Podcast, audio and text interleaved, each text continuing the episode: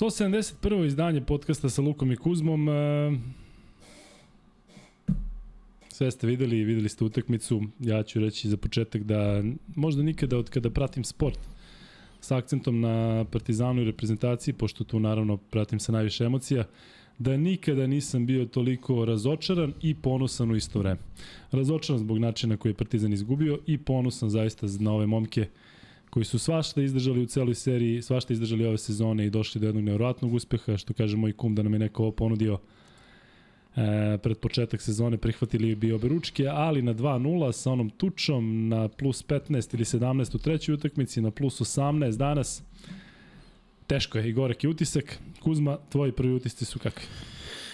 Potpuno si u pravu. Kasnimo zato što smo prosto morali da odgledamo do kraja i, i jednostavno ništa, ništa nije nagoveštavalo da može da dođe do ovakvog raspleta, naročito na onih 18 razlike i čak su ljudi a ima mnogo ljudi koji navijaju za Partizan i pisali, rekao sam da ne vidim način da, da se vrate ne računajući na Rodrigueza i, i, i one dve trojke ljulja, zaista nešto. Na kraju onda se ispostavi da je i Fernandez uvatio dva skoka i opet ispada da bez tih uh, bivših igrača, već tih iskusnih igrača nema ništa. Uh, žao mi je što je Partizan izgubio ovakvu prednost, žao mi je što sad se suočavaju s onim kako je to izgledalo pre samo 10 dana na onih 2-0 i onog faula i vidim da je da je Panter uplakan i, i zaista ga razumem i dao je sve od sebe odigranu majestralnu partiju pa dobrih 25 6 7 minuta. Odjednom je sve stalo odjednom su kao da kao da je energija prešla na stranu Reala i ja mislim da je u stvari proradio samo taj neki ponos tih tih matorih igrača matorih u pozitivnom smislu zato što mislim da i dalje imaju šta da prenesu. Eto, nećemo pamtiti Rodrigueza po kratkoj trojici, što je bilo celu ovu seriju, ali ovu danas utakmicu je faktički on dobio i izvukli su nešto nemoguće i velika šteta jer uh, dati u Madridu treći put faktički za redom 55 poena demolirati domaćina je nešto što, što, što se ne dešava često i otuda još veće. Da, je ovo bila utakmica koja se lomila u kojoj je Real vodio pa nešto, nego je neverovatno da jedno polovreme 55 poena i onda koliko je na kraju Partizan i primio? 60 i nešto, je li tako? Da, u drugi. Što je mnogo, zato što je nešto što je funkcionisalo u prvom polovremenu, osim fantastičnog uh, uh, izbora šuteva, bila i odbrana, uh, Na to se nadovezao onaj fantastičan šut u drugoj četvrtini trojke. Maltene ne možda da se setiš ni jedne koju su promašili. 11 od 19 je bilo. Kako je bilo u jednom trenutku? 50% otprilike je bio. Just. I na sve to, e, i onda jedna nesigurnost uđe. Stavi samo na Kuzmu, molim te, kadar. Da, nisam bio. Da. I onda uđe jedna nesigurnost i i nažalost desi se ovo što se desi. Um, Ajde pre nego što naravno pričat ćemo o Partizanu satima. E, Miksa nije tu iz apsolutno opravdanih razgo, razloga. Mislili smo da pričamo dužo o NBA-u, pa pričat ću ja kad dođe vreme. Prvo što se tiče onog sinoćnog e, podcasta i streama, e, nismo pričali samo o NBA-u. Vidim da je mnogima to teško palo. I eto, nadoknadit ćemo večeras, pričat ćemo o NBA-u ovaj, satima ako treba. E, postoji nekoliko razloga zbog kojih sam ja onako odreagovao. Prva stvar je da e, kada nestane stream moram ja da refreshujem ovde, a hoću da se zahvalim ovaj, ljudima na na donacijama ima jako interesantnih pitanja. Kada stream nestane i kada moram da refreshujem, ja više to nemam ovde. Evo, sada hvala Limi, pa ću gledati da se zahvaljujem više u slučaju da opet bude nekih problema, ali e, to se desilo dva puta. Pamti pitanje ko je donirao, ko, baš su ljudi davali i onda ovaj, to je bila jedna od stvari. Znate da nam se to dešavalo puno puta u, u poslednje vreme, pritom uh, je malo dublji i širi problem, dakle nije to samo puko stream, pa ja poludeo, ali činjenica da sinoć smo sve završili i free betove i priču o svemu što smo hteli, sem NBA-a i evo Uh, imaćete razumevanje pa ćemo to nadoknuti večeras, pričat ćemo o svakoj utakmici, nažalost bez mikse, o svakoj ali utakmici ja koja je odigrana. Sjajno. Ove, ovaj, to je pozitivno, to je dobro, ali uh, eto, pre nego što počnemo izvanično, E, da vam se zahvalim zaista puno na velikoj gledanosti, inače i sada. Bilo bi vjerovatno još e, zanimljivije i još e, beričetnije da, ovaj, da, da je Partizan dobio. I ne znam, hoću da se jave grobari, dve stvari. Prva stvar, da se jave grobari ovde u četu, koji su poput mene i moje ekipe mentolske na poluvremenu pravili poluplanove za Kaunas. Kako se ide, koliko ima kolima, da li postoji neka veza, koja veza, kako izbeći tamo ovaj, da se ne priđe blizu Ukrajini, pa smo gledali od Varšave 5 e, sati, 412 km ja gledao kako, znači Bratislava, pa se dižemo gore, pa tamo prelazimo, tako da ovaj, e, ne znam šta da vam kažem, u svakom slučaju e, ne znam da li bi bilo lakše da Partizan izgubio utakmicu lagano, da je Real vodio 20 na polovremenu i na kraju mislim da je ovako teže sa onih minus 18 Reala, dakle 59-41 je bilo u 22. minutu I da li ti pamtiš Kuzma možda neki ključni moment kada se ne, promenilo? Ne. Ni ja isto. Ne, jel da može, jel možda... Čak ni ono sudijsko, ne, pa ne znam nešto. Ne. Jednostavno nekako je ne, to samo polako. je krenula energija Jest. neka njihova, uh, ubrzali su, pazi, uh, početak drugog polovremena ti vidiš jednu drugačiju ekipu Reala. Ali Partizan sve to vraća sve zaustavlja, sve vraća, kako padne trojka, tako padne trojka i video si, odjednom je došlo pap, pap, pap i opet otišlo na nekih 15-16 razlike. I onda korak po korak neka sigurnost koju, koju su doneo, koju je doneo pre svega Rodriguez, je donela tu neku igru. Mislim da da je zaista sve iz nekog razloga palo u odbrani. Ja razumem da u napadu nije bilo mnogo, svi su sad gledali Pantera koji je, koji je kažem, igrao majestralno i od, od njega mnogo toga zavisilo, ali, ali, ali nema tog okidača. Nema tog okidača Jeste. osim činjenice da je nekako odjednom su svi bili stegnuti. Lede je bio stegnut u izboru šuta, Papa Nikolau, onu loptu što je, što je dodao, samo da je šutno, pa, pa je tri puta bolje nego da imaju kontru. E, Lesor nije, nije bio u, u svom elementu. Smajlegić je morao da napravi pet penala, maestralno ono zakucavanje. Nije to što je on zakucao ono pored Tavaresa, nego što je tačno provalio da Tavares više ne sme da ga prati, ne sme uopšte da ga dira. Pa je, pa je bilo tih nekih lepih akcija, ali prosto odbrana nije postojala. I, i nekako kad, kad, kad saberem sve to, krivim taj moment. Jeste stvarno, kada ti Ćaća Rodriguez onako daje poene Ej, na neposljednu odbranu i, i na posljednju na neposljednu samo odbranu. prolazi. Uz dužno poštovanje njegovog kvaliteta koji je veliki, ipak je on čovjek u godinama, ipak je bio ne, nevidljiv relativno u ovoj seriji, ne računajući onaj jedan meč u Beogradu. Ali eto, ispostavilo se to iskustvo kao jako bitan faktor. Ja moram priznati da e, da je ono zakucavanje ona kapuljača Smajlagića bio uh, trenutak kada je odbijen taj nalet Reala. Tako je. Tako zbog je. energije, zbog tako svega je. treba uzeti u obzir da je taj Smajlagić imao pet faulova kasnije je dobio peti faul, da je Exum izašao zbog četvrtog faula i da se onda sve svelo na Pantera, koji u tom trenutku je naravno bio pod budnim okom jer je dao koliko, 7-8 trojki, I ono što sam govorio juče, ne bih volao da Panter mora da šutira trojke koje stižu rezultat, da je, za produž, da je, nula, da je nerešeno i da on šutira za produžetak. To ulazi ono 100% sigurno kada je u ovakvom ritmu. Međutim, kada moraš da stigneš sa 5 na 2 ili sa 4 na 1, videli ste dva čoveka na njemu, koliko god pogodio teških šuteva, E, videli ste i slobodna bacanja koja su bila bez greške Tako i onda je. jednostavno stane, Exum promaši slobodno bacanje, Madar promaši Tako slobodno je. bacanje. Jednostavno Lesor tačno, promaši u tom momentu jedno bacanje, tri tačno, slobodno bacanje. Tačno ta energija, međutim moram priznati da na onoj trojici Zeka Ledeja na 47 sekundi pre kraja vratila se ta nada, ovaj, ali zaista istorijski meč, istorijska serija. Reću nešto što je možda malo onako ovaj, neočekivano od mene, ako znate kakav odnos imam prema Real Madridu, da sam rekao da Ćus Mateo ne može da pobedi tri puta Željko Bradovića i ne može u normalnim okolnostima. Četvrti i peti meč zbog svega što se desilo, posebno onaj, odnosno treći i četvrti, posebno četvrti nisu bili pod normalnim okolnostima. E, hoću da kažem da čestitam Realu. Čestitam Realu zaista na, na tome što su pokazali da su ipak veliki klub, veliki klub u smislu da, da zna da se snađe u ovim situacijama, da nisu potonuli na tih minus 18, da su pronašli neku energiju, ti starci su uh, košarkaški starci u smislu godina su zaista preuzeli odgovornost. Bravo za Ćaće, bravo za Rudija što se vratio nakon onoga. Teško mi je da priznam, ali svaka čast i Ljulju pogodio dve trojke, pre toga je dve trojke šutno tako da je pogodio tablu.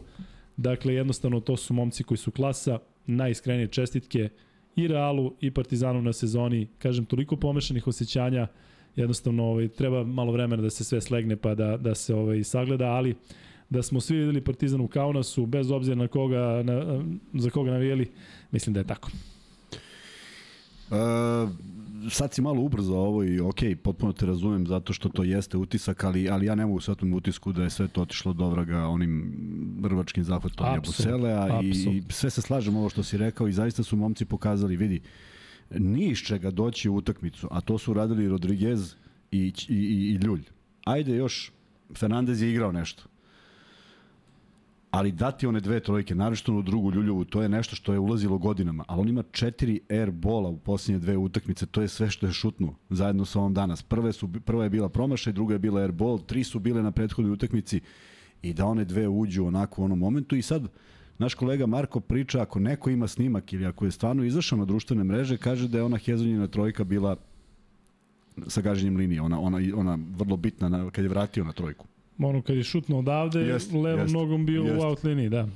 Ali i Ledeva je bila Isto Marko rekao nešto da je možda nagazi. Utakmica je trajala koliko? 2 i 20, to je neverovatno za jednu utakmicu. Mi smo u 23.15 stavili sa nadom da će to sigurno biti gotovo, Jest. međutim toliko gledanja i bez obzira što se sve ovo gledalo, bez obzira što je kriterijum u pojedinim momentima bio potpuno, potpuno blesav i što je bilo mnogo faulova, je tako? Mnogo Jest. igrača da, je bilo da, da, u problemu. Da. Jako brzo su jedni i drugi ulazili u bonus. Ako ništa drugo, stvarno su se posvetili ovim, ovim uh, uh, autima na kraju. Gledali smo svi zajedno. Ne može da se ustanovi da li je Hezonja, mislim da nije Hezonja bio u autu, ali ne postoji verodostojan ugao snimanja i ostali su pri toj odluci što je vrlo korektno. Što je popravljeno. Tako je. A ovo su, ovo su zaista gledali i stvarno jeste da je Hanga u tom Zakači, nekom da. frejmu zakačio loptu, tako da... Ne vidi se ruka egzuma zato što nema kamere, recimo, ovamo s ove strane zapisničkog stola, tako da mi vidimo šta se, dešava. Ali se ipak vidi taj neki... Vidi se malo rotacija jest, loptice, jest, da, loptice, lopte da je drugačije, znači kada je rotacija loptice, uglavnom termin iz tenis. Jest. Ali, e, Kuzma, piti ovde za suđenje, kako se ti komentariš suđenje? Nisam zadovoljan. Nisam zadovoljan. Toliko, toliko unesu nervozu, toliko nekih stvari, vidi, da se razumemo, ja, ja dobijam često poruke ovde od ljudi koji kažu zašto sam neobjektivan i zašto ne pričam o odlukama na štetu Madrida, zašto ne navijam za Real Madrid. U ovom slučaju, apsolutno sve moje simpatije su na strani Partizana. Šta je problem? Što biti objektivan ne valja nikako mora da budeš subjektivan. Na primer, na primer, uh, Tavaresov faul kada mu Lesor ulazi u putanju, genijalna fora. Ali dosuditi drugi, pa treći, jednom od najvažnijih igrača, zaista je u jednom trenutku pretilo da publika uđe i da prekine utakmicu. Tako mi je delovalo. Ne, bre, madridska ne. Pa da, ali vidi, da znači, bilo je, bilo je zaista možda. nekih odluka, bilo je zaista nekih odluka, a posle se to vratilo i Partizanu. Jeste, da, bilo je, mislim da sudije nisu uticale na Ali toliko je mnogo faulova bilo. Jeste, toliko da. pretaraju, onda nešto sviraju, nema, nema veze ni sa čim, ne, ne možemo da ustanovimo šta je.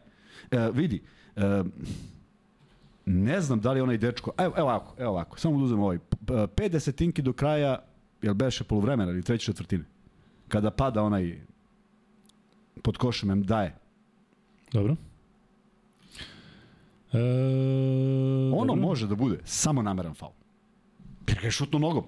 Ako si u tom padu... A misliš kada je Smajlagić oborio Endaja, pa je sviran njemu faul? Tako je. Da, da onda, je, onda mora bude namera, ne može bude sad yes. faul nogom. Mislim da je bio faul Smajlagić u tom trenutku. A, i, i, I na 0-5, umesto da očutiš u tom kontaktu, jer dižeš, dižeš nervozu bespotrebno u krajnjem slučaju, ali kažem, nisu, nisu odredili utakmicu, vrlo su bili ovaj, uh, fokusirani na samom kraju. Sve što su dosudili jeste bilo i mnogo mi je žao što što ta jedna zaista granitna odbrana, nešto što je što je delovalo kao da neće upaliti u ovoj sezoni u jedne u jednom periodu i to dobrom periodu bilo zaista nešto impresivno. Nije Partizan davao lake poene zato što je folirao odbranu, nego zato što je odbrana bila apsolutno na nivou i, i ne pamtim da je da je od nekog tamo deseto kola možda Evrolige Partizan primio ovoliko poena u poluvremenu. Čast, čast ovoj ekipi što imaju iskustvo i sve to, ali 60 poena je zaista mnogo za jednu utakmicu koja je biti ili ne biti i delovala mi je kao utakmica, jer ti delovala utakmica da će biti 40-40 na kraju kad je u 7 minutu bilo 12-11. Da, da, da, ti delovala da će to biti tvrdo, tvrdo, međutim ovaj, drugačije je bilo sve u, u nastavku, morali su malo da se štede pojedini igrači. Uh, evo, imam, imam utisak iz prvog polovremena, samo jedan. Jedino što je Partizan loše uradio što su imali dva puta faul na šutu. Eto, to je za celo poluvreme, apsolutno kad vratiš film, jedine dve, ajde da kažem greške, nego samo nije moralo da bude na faulu, bilo je prostora da bude sa strane. E, ono što je za mene bio moment, ja kada prenosim mečeve, drugačije sam to gledao. Dakle, to je onaj faul Muse u napadu, nogom prilikom da. šuta za tri, a da je priznata trojka. Da, sad kako sad to? To mi nije jasno. Dakle, kada šutneš, to nije, nije ušla lopta, pa je on šutno u napad. Tako da to ne, mi nije bilo jasno. Kako je drugačije od onoga što je bilo? Šta kako je? Pa kako je drugačije od onoga što je bilo u drugoj utakmici? Ne sjećam šta beše u drugom. Pa isto, šutno i Panter dobio dva penala. Da, ne znam da li je dao tada. A, da, stvarno Da, ne znam, zato, ja mislim da nije. da, Da, ne znam da li je dao. Mislim da ovde je pogodio trojku. I dobili su dva penala. Moguće da je dao. Moguće da je dao. Mogu se ti. Jeste, meni se čini Aj, da ako da. neko, ali evo, evo šalje, šalje da im ko šalje samo. Pitaju ko je moderator. Moderator je Pera koji radi isto ovde u studiju. Uh, Miksa opravdano nije tu. Pero, ti znaš da banuješ ako bude nekih e, problema? Kaže Pera da zna, tako da nemojte da pravite ovaj probleme. E, Partizan News slikao je slikao je ovaj Igor Miladinović i kaže Hezonja gazio liniju. Nezahvalan ugao, jer ne mogu da, da vidim, ali, ali verujem da je izašao snimak jer se vrteo po mrežama i to je Marko Da, rekao. jeste. Uh, ugao je malo onako problematičan, ali deluje da. da. je bar ta leva noga. Da, izgleda da A, jedna od desna, ove dve da. jeste. Da. I onda eto, ako, ako se opet svodi na to, onda stvarno se pitaš, znaš, sad ta tehnologija i, i, i čemu to služi. E, znaš, ima neko neke spominje- simbolike da je Mirotić dao, Mirotić koji je onako stvarno, voljen da. od strane navijača Zvezde. Hezon je voljen od strane navijača Partizana na stranu, to što se to malo uzburkalo posle one druge utakmice, ali znamo kakav, je- kako je bio dočekan, je da bojca nagaze tu liniju i tu desnu liniju, dakle desna linija, Desna, to mislim da je isti, isti, isti, isto mesto, ćošak, da. isto mi ćošak, isti, isti deo. Ali Ali mi, evo sad mi, sad mi pišu, ja stvarno ne mogu da se setim da li sam u tom trenutku ustao pa nešto, ne, ne znam šta sam uradio. Kaži mi, da li se ti sećaš momenta za koji mi piše Vladimir Nešković, kaže šut Pantera za, za 3 na plus 20, tad sve kreće na dole. Koja je to trojka? Kaže iz polu kontre. Da, ona sa levih 45 stepeni. Jel Jeste? Da, kada je on onako poskočio i kada nije bio zadovoljan. Jeste. Bilo na plus Tačno, 18. kad nije bio tako je. zadovoljan. Tako Da, je. i On je bila- reagovao, bila je kratka. Tako je, i to mu je bila, to mu je bila možda i naj... Lošija E, trojka. ne, nego trojka u smislu da niko nije bio kod njega. Bio je u tranziciji, čini mi se da je malo padao u levu stranu, ali šta je sve pogodio kratko, tada? kratko šutno. Da, jeste, bravo, eto, to je možda neki moment. Da, to je, to Čudan. je, E, E, samo ti kažem, sad u moru ovoga svega i znam da su emocije i da, da, da sad ovo treba prespavati uopšte i razmišljati o ome. Ipak jedna, majke mi, ja mislim davno zaboravljena stvar. Moment kada Panter daje trojku o tablu i on i Ljulj se smeju. kako ne, da. Jebote, si video nekada se neko smeje. Ovo je postalo kao bitka za život i smrt. Jeste. Pa čoveče, baš je fora što je koš abnormalan, A što je težak. njih što dvojica. a njih dvojica. Njih dvojica koji su... Mislim da su rešili to, ono što je rekao Željko, da su pričali igrači u slačionici e, posle te druge utakmice. Mislim da su njih dvojica to izgladili, dakle da nije to njihov prvi kontakt nakon onog celog e, incidenta. Ono što ja mislim, što sam možda mogao da pročitam sa usana, da je on rekao, kao zvao sam o tablu, kao I called it. Znaš, gađaju I onda se nešto su se smeli, ali naš čudno ti u tom trenutku. Upravo to, sme ali se- to je Prvo smo videli da se sme Ljulj, jer što se Ljulj Da, smeje da, i posle da. da. snimku Panter, Ali to mora da. bude deo sastavni toga. To, Jest. zato i jeste, zato, zato košarka je jeste bila šmekerski sport. tako je. A ne, ne, sad život i smrt, što je razumljivo, ali prosto uvijek ima nešto što može da te, da te malo, da malo promeni. Ovaj, drago, mi je, drago mi je što nema posledica onog, onog sudara. Jeste, egzuma i... ono je izgledalo, kad je on pao na parket, I ono, zaista... rame koje mu izlače, a rame promenilo boju.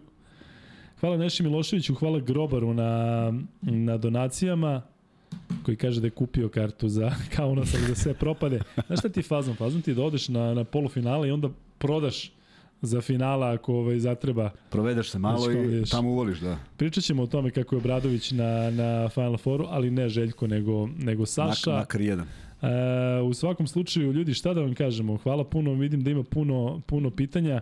E, vidim da često postavljate pitanja tako, pitanja za obojcu, pitanja za Kuzmu, pitanja za Luku.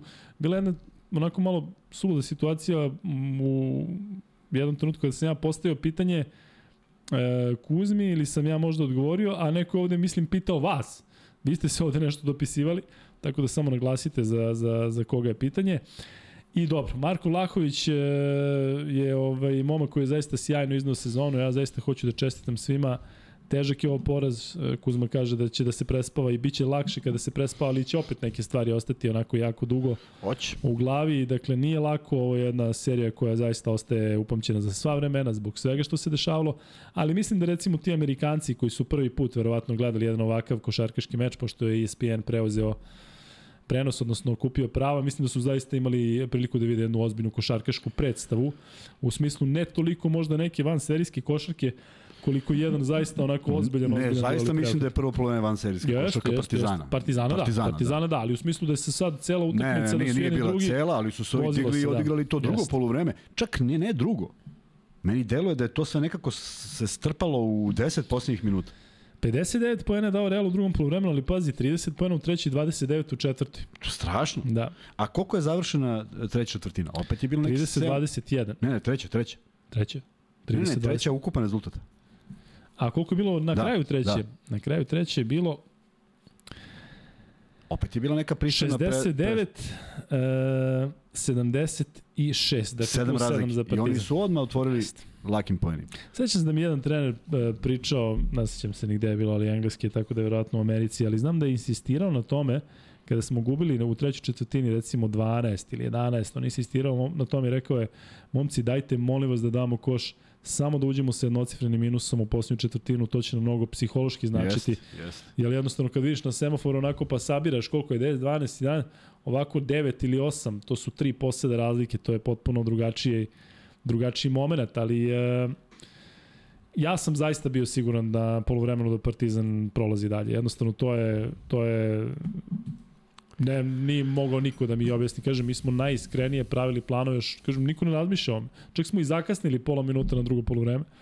Ove, ovaj, e, ali dobro. E, Kuzma, da malo sada ovo, ovo sve što se dešava razbijemo ili ćeš na kraju da pričaš o tome šta je bilo juče?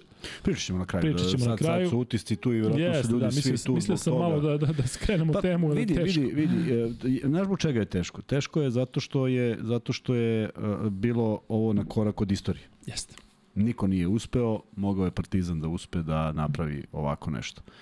Uh, nikad se ne treba opuštati i mene uvek kao bivšeg igrača uvek raduje ta raduje. Uvek mi prija da čujem svog trenera koji daje onakvu izjavu, ovo je Real Madrid, ovo nije gotovo. Dakle, moraš da znaš da nije gotovo.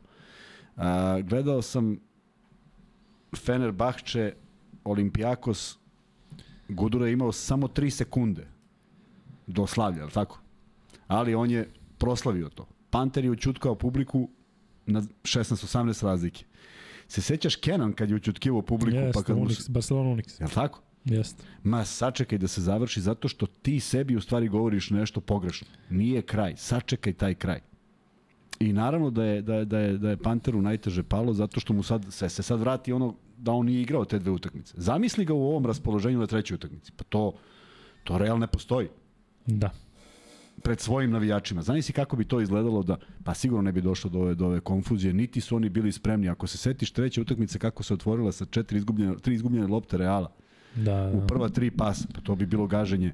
Ali šta je bilo? Kad bi bilo velika, velika šteta, jer e, mnogo napore uloženo, platili su ozbiljno, Egzumova povreda, nažalost, mnogo ozbiljnija Avramovićeva, dva igrača su bila suspendovana, ispali su iz ritma, Panter ne, ali Lesor definitivno nije bio svoj. svoj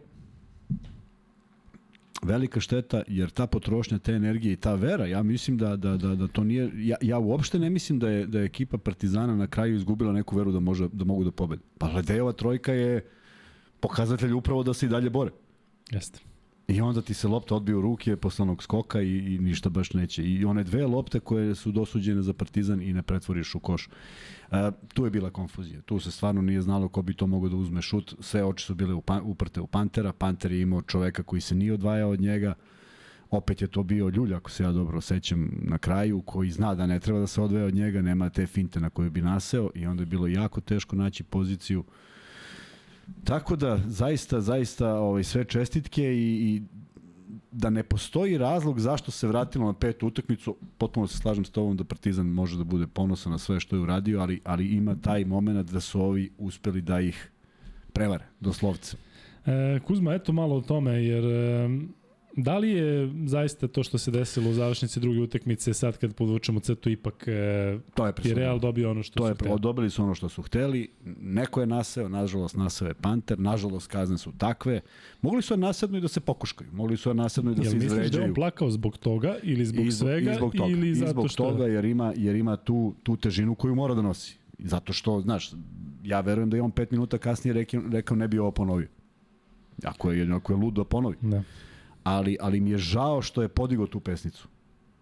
A ja tvrdim da je podigao zbog tog udarca ramenom. Ne zbog onog prvog starca, nego zbog tog kontakta sa Ljuljem, drugim kad mu je podmetnuo rame, još ga je pogodio u bradu. Šta je, tu je, nema sad tu, to, to, to smo shvatili odmah, mislim da kazne nisu adekvatne i dalje to mislim, evo zbog čega mislim, zato što je Real uspeo da se vrati. Ali Partizan je večeras imao prednost u smislu posledice kazni i Obusele ne igra, Dek povređen, kom, tako. Partizan kompletan. Dobro, što se tiče samo kazni, Abusele ne igra, da, Partizan da. nema više nema nikakve više ništa. I bili su, tako, i bili su tu gde jesu. Da. Nisu, nisu, nisu zgazili kad je bilo potrebno i to, to ima ta isto priča trenera, dok god možeš gaziš, nema, nema, nema dok, dok ne uđeš u samu završnicu i dok ne bude sve gotovo, nije gotovo i žao mi je što, što su ne mogu da krivim nekoga, ali je činjenica da su da su bekovi da su bekovi pre svega Ćaća Rodriguez radio šta je hteo u drugom poluvremenu. Ja, ono je nevjerojatno, zaista ne A nije pritom šutno ni jedan penal. Da. Ej, ni jedan penal nije šutno. Pa čak ni u onom momentu pazi, to je sad već iskustvo. Jesi vidio onaj ulaz kada on pravi ona dva sitna koraka, ne bi li da, uopšte da, našao da, da. put ne da ga našao, nego jest, ga je našao jest. šmekerski kroz tri igrača koji da, no, svi ne, mogu baš, da ga... Baš atipična kretnja, Potpuno u smislu atipičan. atipičan dvokorak, da se ti nešto vratiš malo od, nazad. Da. Ti ideš od koša, jest. da bi našao, jer je, jer je razmišljao da to Ali niko neće da... Ali ja mislim da... je to malo i na osjećaj, u smislu na da jednostavno pa baš, taj, baš to iskustvo. Da, u iskustvu, tako je. I evo ovde kažu, za, da li sada gde je Ćus Rodriguez po, pokazao da je trener, zato što je igrao sa oliko povređenih igrača, Uz dužno poštovanje Ćusa Rodrigueza, ja bih ipak stavio akcenat i više čestitao ovim starcima ljudi. Da, da, da. Rodriguez Misliš da je bila neka taktika? Da, Nisam pa ne, da je on nešto sad iznenadio i da je on... On je opet stavio zonu u onom Jest. moranju jer nije bilo šta da se radi. U krajnjem slučaju Tavares ima pet penala pa mora da ga zaštiti. Ko veli skinuće neko, tu je bilo malo konfuzije u napadu. Opet, opet taj prepad jedan zonski, ali... Vidi, Kuzma Javogen Daja zaista poznajem u smislu da je dečko prošle godine bio u Beogradu. On zaista deluje kao da, da ne zna da li je pošao ili došao, ali to iznenađenje sa njim izgleda je urodilo plodom. On je odradio neke stvari Jest. za, za dete od 18 godina, da ga ubaciš tako u vatru. Mislim da ga onaj koš koji je dao sredinom prve četvrtine malo podigao, malo ga jest, jest. udario blokadu Ledeju, dakle jednostavno to je nešto što podiže ekipu kada ti imaš jednog takvog igrača od kojeg ne očekuješ ništa praktično, a on uradi dobre stvari na obe strane terena, tako da zaista čestitke Ćusu u smislu da, da, je, da je imao onu stvar da gurne daje. On je igrao protiv Unikahe, I ako ste gledali meč protiv Unikahe ili pratili statistički, on je bio od tih 12, mislim da je čak bio u petorci ima jedno 5-6 igrača iza njega koji nisu u rotaciji Reala, nego su igrali sada zato što je Ćus Mateo odmarao mnoge. On je završio, mislim, sa dva poena. On je mnogo bolje odigrao danas protiv Partizana. Jedno iznenađenje koje je očigledno ovaj, onako bilo malo šok i za Partizan. Čestitke Mateo i Realu. Znaš gde se to vidi? Vidi se u onom prvom napadu Ledeja, koji ne zna šta da očekuje dobio rampu. Ja nisam da je neko Ledeju rupio, lupio rampu na da. okret da. na jednu da. ruku. Pa baš zato je na jednoj, zato što je uvek znao da nađe, da nađe. E to je kad nemaš uopšte ideju dakle, protiv koga, šta, ko je, protiv šta je? koga izlaziš, šta je ono da. mogućnosti da uradi. Um, Eto, Bob Marley podsjeća na neke moje stvari. Hvala ti, Bobe. Nadam se da, da neće biti tako u nastavku sezone što se tiče Lesora. Um, Kuzma, kada pogledamo otvaranje utakmice Partizana, nekako to zaista deluje kao na prva i druga utakmica. Dakle, Partizan se posle svega u trećoj i četvrtoj utakmici. Treća Potpuno, utakmica bez dvojice, četvrta utakmica posle one tragedije, atmosfera u dvorani i igrano zaista u u e, neregularnim uslovima, nestanim da. uslovima, ali Partizan se nekako vratio u taj mod potpuno, pobednički potpuno, sve. Potpuno, potpuno. Svaki napad je išao, svaka lopta je išla sve. gde treba, sve je išlo, sve je išlo gde, gde, gde treba druga četvrtina donosi tu jednu nenormalnu sigurnost. Zaista sipaju sa svih strana i to ne ono jedan igrač daje, nego preko god ostane sam on ubaci trojku. Kada si to video, jel si znao da će tu u jednom trenutku stati i da yes. Partizan mora da pronađeš ja neko uvek, Ti znaš da ja uvek pričam samo jednu stvar, to je odbrana. Odbrana ne sme da stane. Možete ne ide u napadu kako god hoćeš. Pa dešava se. Uđe u ekipa u 5 minuta, ali ti kad kidaš i šalješ, jedino je problem nastao što su svi bili u problemu s faulovima. I što je, što je uh, ono, ono što je bila najslabija tačka u tom drugom polovremenu, koliko si puta video Tavaresa sa niskim igračem ispod koša. I još su uspeli nekako da se odbrane. Pa je uh, Panter odbranio Tavaresa tako što mu je neko lupio rampu. E to su bile to su bile neke ajde da kažem greške, nisu greške, nego je to donosilo lake poene. Tako da Ma, ipak, ja mislim da je ceo taj preokret Ljuljova jedna, ona jedna je zaista iz pozicije, bilo bi neverovatno da je promašio ceo koš, ali ona druga je tačno nešto njegov zaštitni znak koja je ušla kao kap i, i, i, i, i Ćaćo Rodriguez. E, Kuzma, šta se dešava sa ekipom koja jako dobro šutira slobodno bacanje i onda kada padne energija i onda krenu da se promašaju slobodno bacanje. To su ipak različiti igrači, dakle nije to sad jedan, pa evo, ja sam vidio prilikom onog prvog e, slobodnog bacanja Madara da je on nešto kao da se krenuo da fintira nešto pritisak, čudno. To je pritisak, nema veze ni sa čim.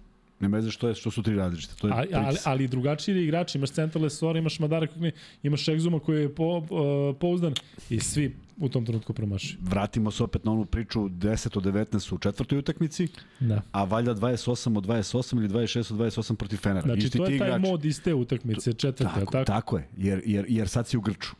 Zato što stvar, znaš ono kad kažu za tenisere najčešće, bojao se da pobedi.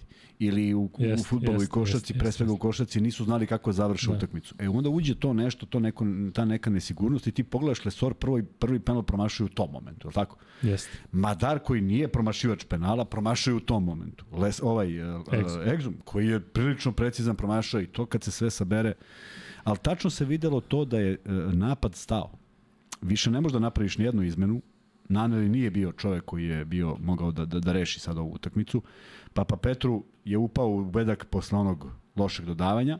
I da, jednu trojku je ono promašio koju je morao da Tako pogodi, je. bio je sam. Smajlija nisi imao i ti si zaista ostao sa pet igra. si maksim. Trifa se ispromašivao iz prilično dobrih pozicija gde vidim da je imao direktivu da kad je sam Jest. šutne i onda I posle ga je bodrio Željko i... Sve, sve. Samo je to, e, dakle, on je uzeo sve šutove koji treba da se uzmu. Da. Jedino što je zakasnio, ono zakucavanje. Ma bre, stavi je na tablu, šta ima zakucava, što smo svi stalno pričali, Jest. samo je stavi na tablu i nema banane. E, znači, mislim da bi neki iskusni igrač kada vidi ono... Stavio bi na tablu, ili, pa naravno. Ili bi možda ovako Ma ne. Ne, samo bi je naslonio, nema, samo je nasloniš i rešio ne. si sve svoje probleme, ne može stigne do tamo, to još ima 30 cm. Tako da, da, da, da nije tu baš bilo nešto prostora ko bi mogao da uđe. A i taj koji uđe sad treba da uzme neki šut, je li tako? Nije to baš tako lako. Meni je žao što je, što je defanzivno, da je bio Avramović, da je bio Avramović kakav god, sa onim gipsom na ruci. Posebno na Rodriguez. Samo da je ušao i da nema, nema lakog poena. Nek stalo ide na slobodno bacanje. Pa čekaj, bre, on treba pogodi slobodno bacanje. Jeste. E, kakvi smo sa polom eventualno Pero, bi mogo da je nešto... Ma daš, ajde stavi pol, dakle, pitanje je... E, ajde, imat ćemo to klasično pitanje. Za koga navijate je pitanje. E, pod A Partizan, za, pod B Zvezda, pod C neko treći i baš da se malo igramo stavi pod D Real Madrid. Sad ćemo malo da ubacimo to kao foru da vidimo ovaj, da li ima i e, navijača Real Madrida. Znate za pravilo kada dođemo do 500 tog e, do 500 tog lajka, onda ćemo imati prvi free bet. E, pero, ovo je dobra fora sa kamerom iza, iza ekrana. To je dobar, dobar trip, a? Mislim, vidim ekran, to mi je zanimljivo. Vidim sebe u fullu. Da, ali dobro, dobro izgleda i kadar i sve.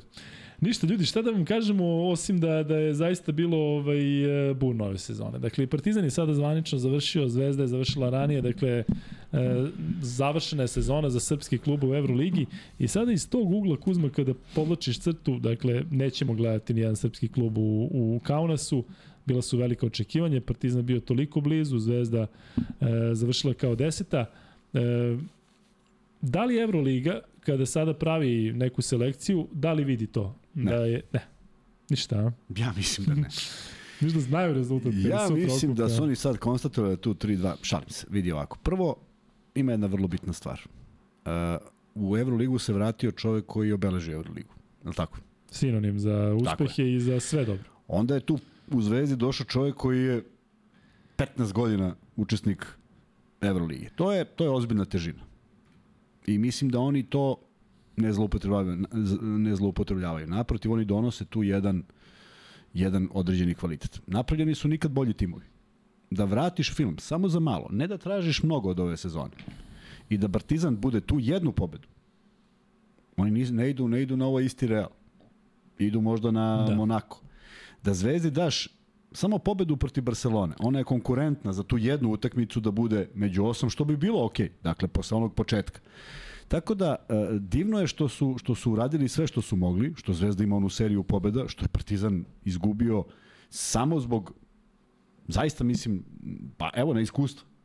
Samo da neko nije naseo na to. Samo da se ništa... Samo, e, pazi, samo da je Lesor nije odreagovao. Kao što nije reagovao na početku tuče. Samo da on nije isključen, to je već drugačija priča. Da, zato što u... Panter ipak bio uključen u to, pa kad Pa kažeš, kažeš, Panter, ajde, Panter. nešto, iako je on naknadno odreagovao. Tako je, tako je. Ali da, Lesoru zaista nije bilo potrebno da se tu... Zamisli on kažem tu jednu. Ta jedna je u stvari ono što je što je što je prekretnica. E, ima jedna stvar, zaista ne mislim ništa loše, da ne bude ja sada o Lesoru, kad, kad god Lesor nešto uredi loše ili loše odigra, ja o Lesor.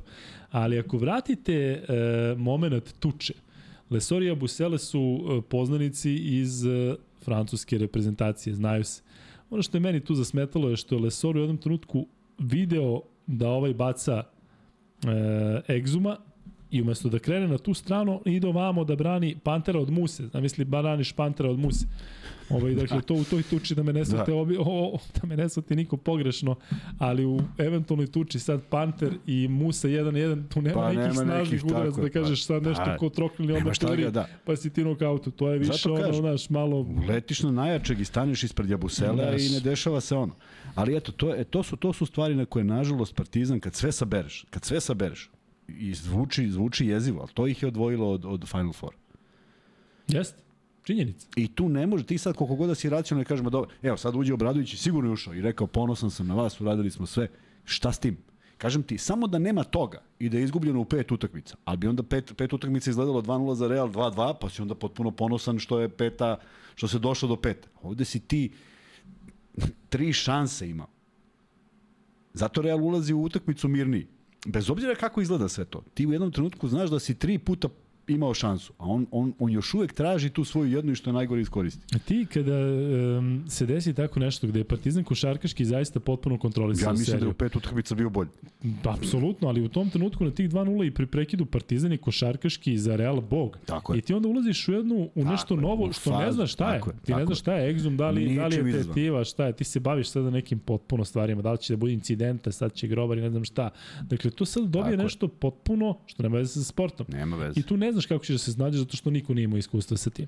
I, I na sve je... to, tragedija koja, koja se dešava Uf, da, jeste, to u, je. nakazi, u nakazi sve to, sam, sa, sve to što se desilo ostavlja dan danas i ostavljaće to razmišljanje kad god sedneš što ti uđe u glavu.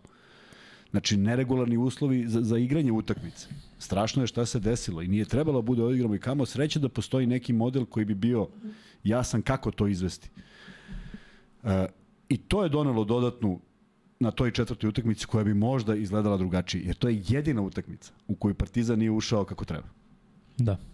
E, Kuzma, e, spavaće mirno e, košarkaši Reala posle ove utakmice zato što su zaista košarkaški preokrenuli. Yes. Bez pomoći sudije yes, sve, da, dakle oni zaista to, su ponosni. Yes, tako je. Da li misliš da kod njih, kod ovih glavnih uh, vinovnika incidenta postoji ipak malo griže savesti, da postoji neki ne. model da kaže I evo te... Uradili naš, smo sve što da, je bilo... I da ga ne interesuje šta, šta ko drugi kaže, nego da kaže... Uradio sam sve što je potrebno da bi moj klub pobedio. Uh, ja imam jako veliko iskustvo s čovekom kojeg obožavaš kad si s njim, koji mi je drag prijatelj, koji mi je velika, kako bih rekao, inspiracija za sve. Kad ga gledaš sa strane, dođi ti da ga ubiješ ako možeš ili nešto da mu naudiš. Danilo Mitrović. Sportski direktor, pa jeste sport, sport, čovek koji je apsolutno sve činio i dozvoljeno i nedozvoljeno samo da se pobedi. I nema srećenja od njega. I nema čoveka koji popije više pilula pred utakmicu za smirenje. Ne postoji.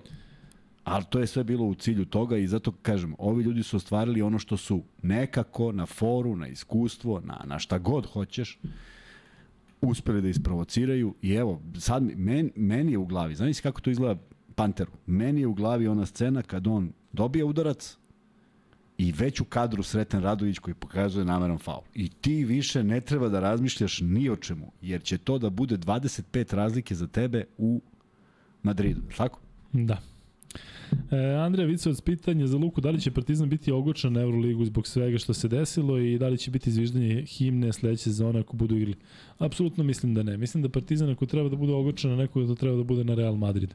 Opet sa druge strane, to su prijateljski klubovi i ko zna šta će se desiti do naredne sezone u Euroligi, u nadi da će naravno Partizan i Zvezda igrati, ali mislim da će se ovo brzo zaboraviti. Žao mi zbog toga, zato što e, bi ovo trebalo da bude neki primer kako ne sme da se dešava, i očekivao sam iskreno da će za Partizan biti poseban motiv za Pantera. Jeste bio poseban motiv. On je izašao večeras i rekao sad ću da tako vas razvalim. Sad, tako je, tako I pogodio, ja mislim da je ono što je ušlo u tablu, da je s jedne strane onako ovaj, nagrađen za, za sve što je prošao.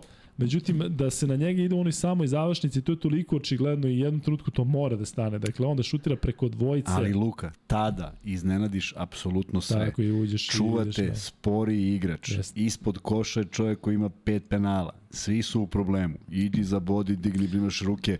4 metra ti je raspon ruku onako mršav kad ih raširi. Pa idi, podigni i promaši to. I to je košarkaški. Jel se sećaš ti danas prodora Pantera nekog? Ima samo dvojku u, prvoj, u prvom poluvremenu. I ima onu promašenu dvojku iskraćenog levog konera, ali se sećaš Kad da je možda... Ne, ne, nije išao, nije išao. Ma ej, tada kad svi očekuju, jer Tako tebi Ljulj igra tako toliko tako blizu, da ako ti kreneš da obilaziš, on je u problemu. Da, da. Pazi, imaš, imaš, imaš, ima, minut pre toga iznudio faul u onom uh, pick and roll. Uh, kada, kada Fernandez izađe na Exuma, jesi vidio ono u prvom planu? Exum promeša, ovom nije dobro. Jest. Ne može da ga sačuva kad se zaleti.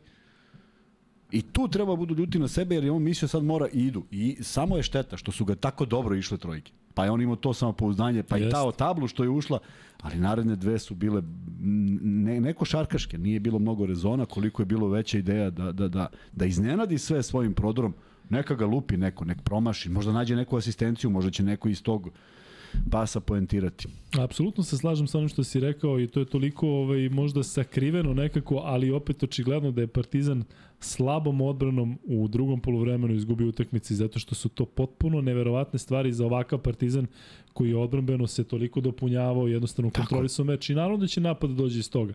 Ali kad ti dozvoliš da zaista Rodriguez, pa koliko puta je završio na zicer? Četiri puta Pa je on završio trojke za red. Pantera, Tako je. uh, nije kamera tek ovamo, mi nešto se pozdravljamo, ovaj ne već završava polaže. Madara, prolazi Jeste. ona kontra neka gde se preskače ovaj sve zaista Mnogo, 4-5 zicera Jest. imao.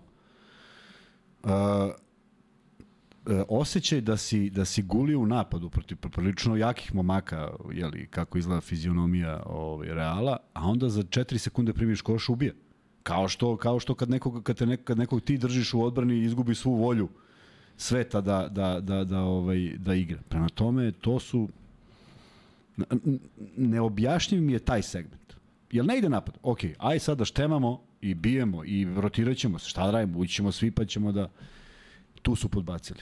I pre svega mislim da je, sad ne zato što mislim da je kriv za ovaj rezultat, daleko od toga, ali mislim da je Madar podbacio. Sa svom tom Jest. brzinom kojom ima. Sa svim tim predispozicijama. Ne daj mu da uđe. Ma neka budi stalno u kontaktu, budi stalno u faulu. Pa neka šutne Ćaća Rodriguez 8-8 slobodno bacanja. Pa skineš kapu i kažeš koji si majstor. E, Dražen Zarić e, malo mrači, ako Dražen Zarić nastavi da mrači, blokira ga, dakle nema potrebe za tim, zato što si tu na ivici, malo provociraš i sve, ali kažem, vidiš da, da ispadaš iz svega ovoga, iako su izvezdaši i partizanovci ovde prilično čast izuzecima, ovaj, prilično su korektni. Zveki pita, Luka, da li možete da se setite koliko napada je Partizan odbranio u četvrtoj četvrtini? Teško je zaista setiti se nečega da kažeš u sad smo Te sad odbranom kažeš, da, dobili, da. Bilo je, ja mislim da je u četvrtoj onaj, onaj, onaj panter kada je sa, sa Tavaresom, Yes, kada dobija lakat u lice, ali Jeste. neko lupa rampu. I Da. onda primaju koš iz te 3 sekunde je Ljulj dao trojku. Tako da se i ne računa u odbranu. E, preći ćemo uskoro na igrače, ali eto još malo tog nekog opšteg utiska. Moram priznati da je da je atmosfera u dvorani bila drugačija u odnosu na prvi i drugi meč, što je normalno, peti odlučujući, dakle sa tim nekim poznatim e,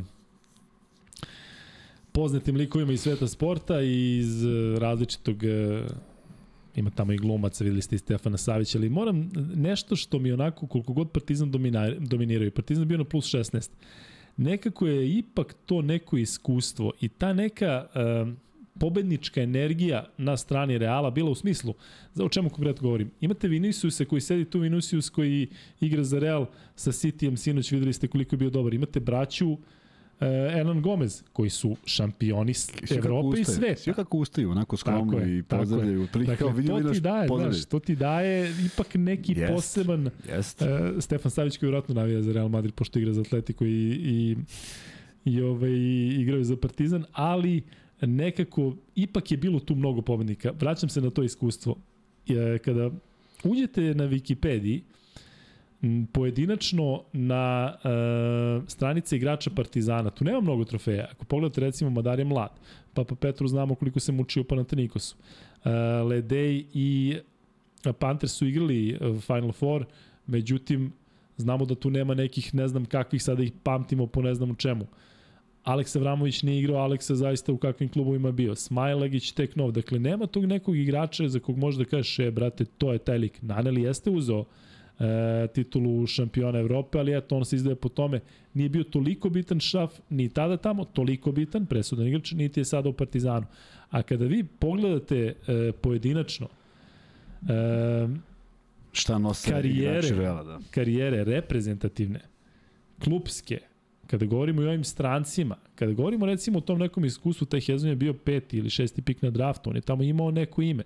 Taj Musa je još uvek mlad, ali je ipak Dakle, oni iza sebe već imaju nešto. I ovi mladi, da ne govorimo o ovim starcima, kada brojiš njihove medalje sa Španijom, kada brojiš njihove e, medalje sa klubske, ipak u tim nekim jačim ligama, i eto, ispostavilo se da je možda baš to, baš to, taj, ta trojka, Rudi, Ljulj, Ćaća Rodriguez, svako je nešto dao večeras. Ti si stalno pominjao da Rudi uvek prati, vidio si koliko je bitan skok bio u, u posljednjem minutu. Pada mu da je lopta i drugu bi uhvatio da Hezonja nije skočio jest, za loptu. Da, Njegova lopta. Da, da, i Partizanu to je to je čovjek, čovjek slo, tome služi. I on uradi to dva puta i ti završi utakmicu. Ovo ništa više, ništa više i ne pamtiš da je uradi.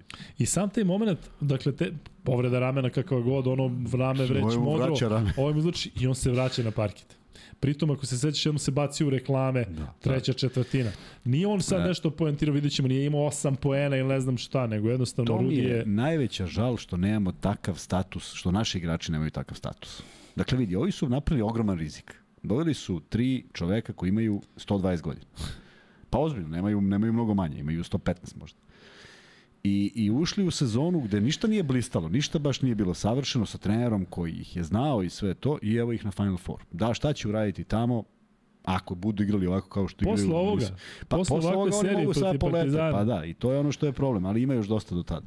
Jako mi je žao što, ovaj, što nema naravno Partizana, ali da se nalažemo i pričat ćemo o tim polufinalnim serijama, ne toliko dana, zato što ćemo imati još koliko 3-4 podcasta minimum do Final Fora, ali um, pazite, Barcelona, Real u polufinalu i sa druge strane Monaco, Olimpijakos, dakle repriza, sećate se šta je bilo u reprizi, ono šta je bilo prošle godine u četvrtfinalu, tako da iz ugla nekoga ko nije sad povređen zbog toga što nema Partizana u Final Fouru, zaista će biti zanimljivo.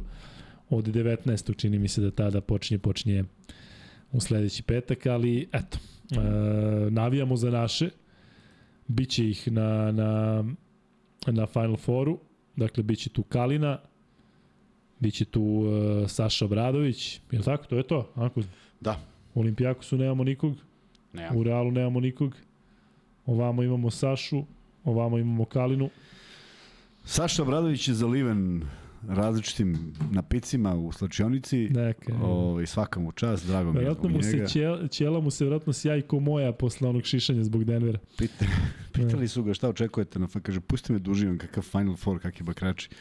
Tako da ostvario je fantastičan uspeh. Ja jedino, eto, ovaj, e, bez, bez nekih emocije, bez navijačkih strasti sam pokušao da, i prognozirao sam ovaj, ko će proći i omanuo sam kod tog kod tog Makabija iz prostog razloga što sam mislio da ako su prošle godine ovaj, uradili šta su uradili, pa, pa, pa podbacili, koliko god smo sumnjali u ovu ekipu, mislio sam da je onaj break protiv Monaka dovoljan da jednostavno prebaci seriju. I negde mi je drago što nisu, zato što ne verujem u sastavu 11 igrača u jednoj sezoni. A, žao će mi biti što nema onih uh, upečatljivih jarkih dresova na tribinama u Kaunasu, Nadam se da će neko iz Monte Carla ipak doći na tu utakmicu. Ali ovaj ali ispostavlja se da je zasluženo i, i, i jako tvrda utakmica, ne znam koliko si mogao da gledaš yes, sa puno uspona i padova. Zakasni smo malo ovaj na, da, na sa puno uspona i padova yes. jednih i drugih, sa mnogo nekih čudnih ovaj poteza i preokreta, ali eto zaslužena pobeda, smirenost Obradovićeve ekipe. A, Ali Olimpijakosovi navijači, njihov ovaj, e, predsednik koji kažu navijamo za Monako i navijamo za Real, pošto će onda za nas biti više karata. karata. Pa, pa da, da, da, je, da. da će biti neko drugi u dvorani. Pa, ja, ne, Real dođe sa 10, ljudi. 15, pa, da. 20. Miće, One Gašani, čujem da se organizuju njih šestora. šestoro da, dolaze, al, al majke mi šest. Da, da. Uh, Mića Berić i ja prošle godine u punoj, u punoj ovaj, areni pokušamo da lociramo igra, uh, navijače Reala. I Kad, to su po, na početku polufinala ili final? na početku, uopšte, Generalno. da, da, generalno, ma ne, nisu kao došli neki nešto. Dakle, s leve naše strane je bilo 40 ljudi i kad ono ustanu, kad se pozdravi igrači, vidiš ko je skočio u belom dresu. Da. Znači, ako je bilo 100 od 20.000, eto, to je, to je plafon. E, Kuzma, ovo su bile pet utakmice koje su toliko važne i toliko bitne gde je svaki koš um, ima ogroman značaj. Da li te iznenadilo mene jeste to što su jedna i druga utakmica odigrale, odigrale na NBA rezultat. Dakle, Monako, Makabi 97-86, Real Partizan 98-94. Delo da se tu nisu igrali neke odbrane. Ma kako nisu, da, pa ali čekaj, Real je dao 30 i nešto poena. Tako da i tekako se igrala odbrana. Odbrana je podbacila u drugom poluvremenu. A ovo, ovo, ove, ova druga utakmica, pa vidi, ima bilo je napada od po 4 sekunde. Da. Imaš moment kada kada kraj, kraj poluvremena kada je, da, Monako je u napadu promašuju promašuju trojku, lopta do Koboa koji kao da ako sad uđe na prodor kraj sveta, on šutira novu trojku, skidaju, Baldwin gubi loptu u napadu i Vatara postiže onaj koš uz zvuk sirene. I sad ti kad sabereš da je to 4 poena otišao u tom trenutku, a utakmica završena 6-7 ili koliko, to su velike Stari, stvari. stari dobri Vatara. E, Nenad KG kaže za Zlatibor za sada ima 3 od 3. Denver, Monaco i Real Madrid i kaže ajmo Tenerife i Baskonija. E, Nešo, želimo ti da pogodiš svi pet, ali znaš da moraš da prođeš posle i kroz činiju a ne može ništa preko veze. Juče mi je bilo zanimljivo kada, je, kada smo ovde izvlačili pobednike, odnosno dobitnike nagrade i putovanja na Zlatibor, zato što je u Činiji bio Coka Cokče. Coka Cokče je pogodio svih pet mečeva, moj jako dobar drugar, I tu je bio on i ne znam da li da se radujem da dobije ili da ne dobije, ali ako dobije, šta je kaže? Bravo Coka Cokče, odmah hoda smo u kanal, dakle evo namešte i sve i onda ovaj, nije dobio, ali Cokče gađa i dalje, pa će biti prilike ovaj, da naši drugari iz Galensa i tebe nagrade u svakom slučaju, da podsjetimo još jednom e, da je bila nagradna igra, ne možete naravno više da igrate zato što je sinoć u 3 e, bio rok kada može da se e, prognozira. I eto, u svakom slučaju moram da kažem da je ovo zaista unelo nešto vrlo, vrlo interesantno u naš podcast. Pored free betova imamo i to i kada smo već kod free beta, došli smo do 500 lajka, nisam vas ni pozivao. E, Rodriguez je zaista odigrao fantastično, pa mislim da je red, ipak je on za mene ovde match winner i eto, red je da mu odamo e, priznanje i da prvi free bet bude u vezi njega. Nisi Ko me je? pitao li imam free bet? A? Nisi me pitao li imam free bet? Znam da imaš, ali tamo za ovaj drugi. E, spremio si, ja? Ne, neko šarkaš ili ko šarkaš? koji hoćeš imam sad, sto free betova, samo free bet prvi, eto za Ćaća Rodrigueza pre nego što Kuzma preuzme free bet, onda znate da ćemo ono morati da tražimo na Google Znači, do četiri i trajamo. sve. E, koji je prvi profesionalni klub Ćaća Rodrigueza? Dakle, nadam se da vam neće biti potrebna Wikipedia, ali on je počeo u jednom e, poznatom španskom klubu, ne toliko poznatom kao Real i Barsa. I ko prvi odgovori, dobija dakle prvi free bet max beta u odnosu od 1000 dinara. E, sad ćemo da vidimo ko šta kaže.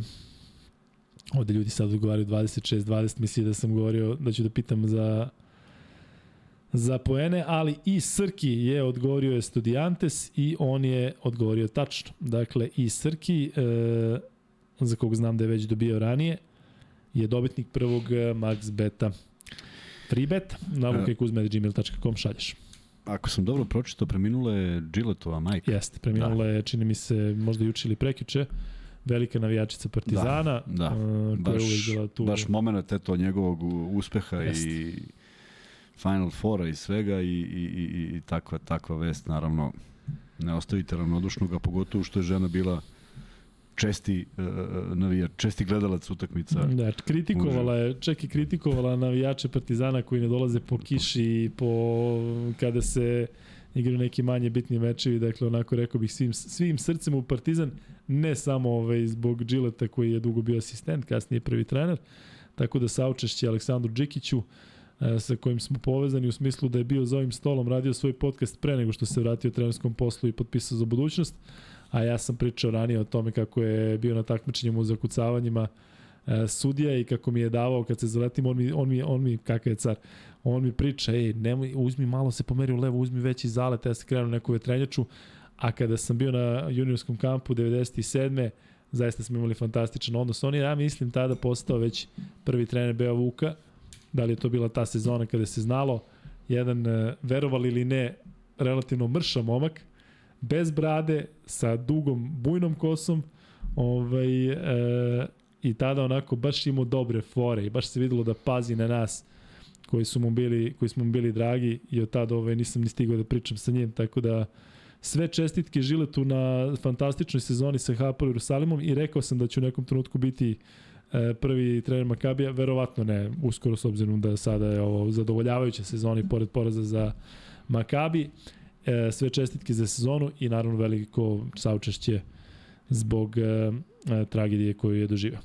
E, pita Dule da li je LD podbacio, pošto je šutirao 0-5 za 2, jest. Jest, I da, pričat ćemo sada o igračima. Več, da.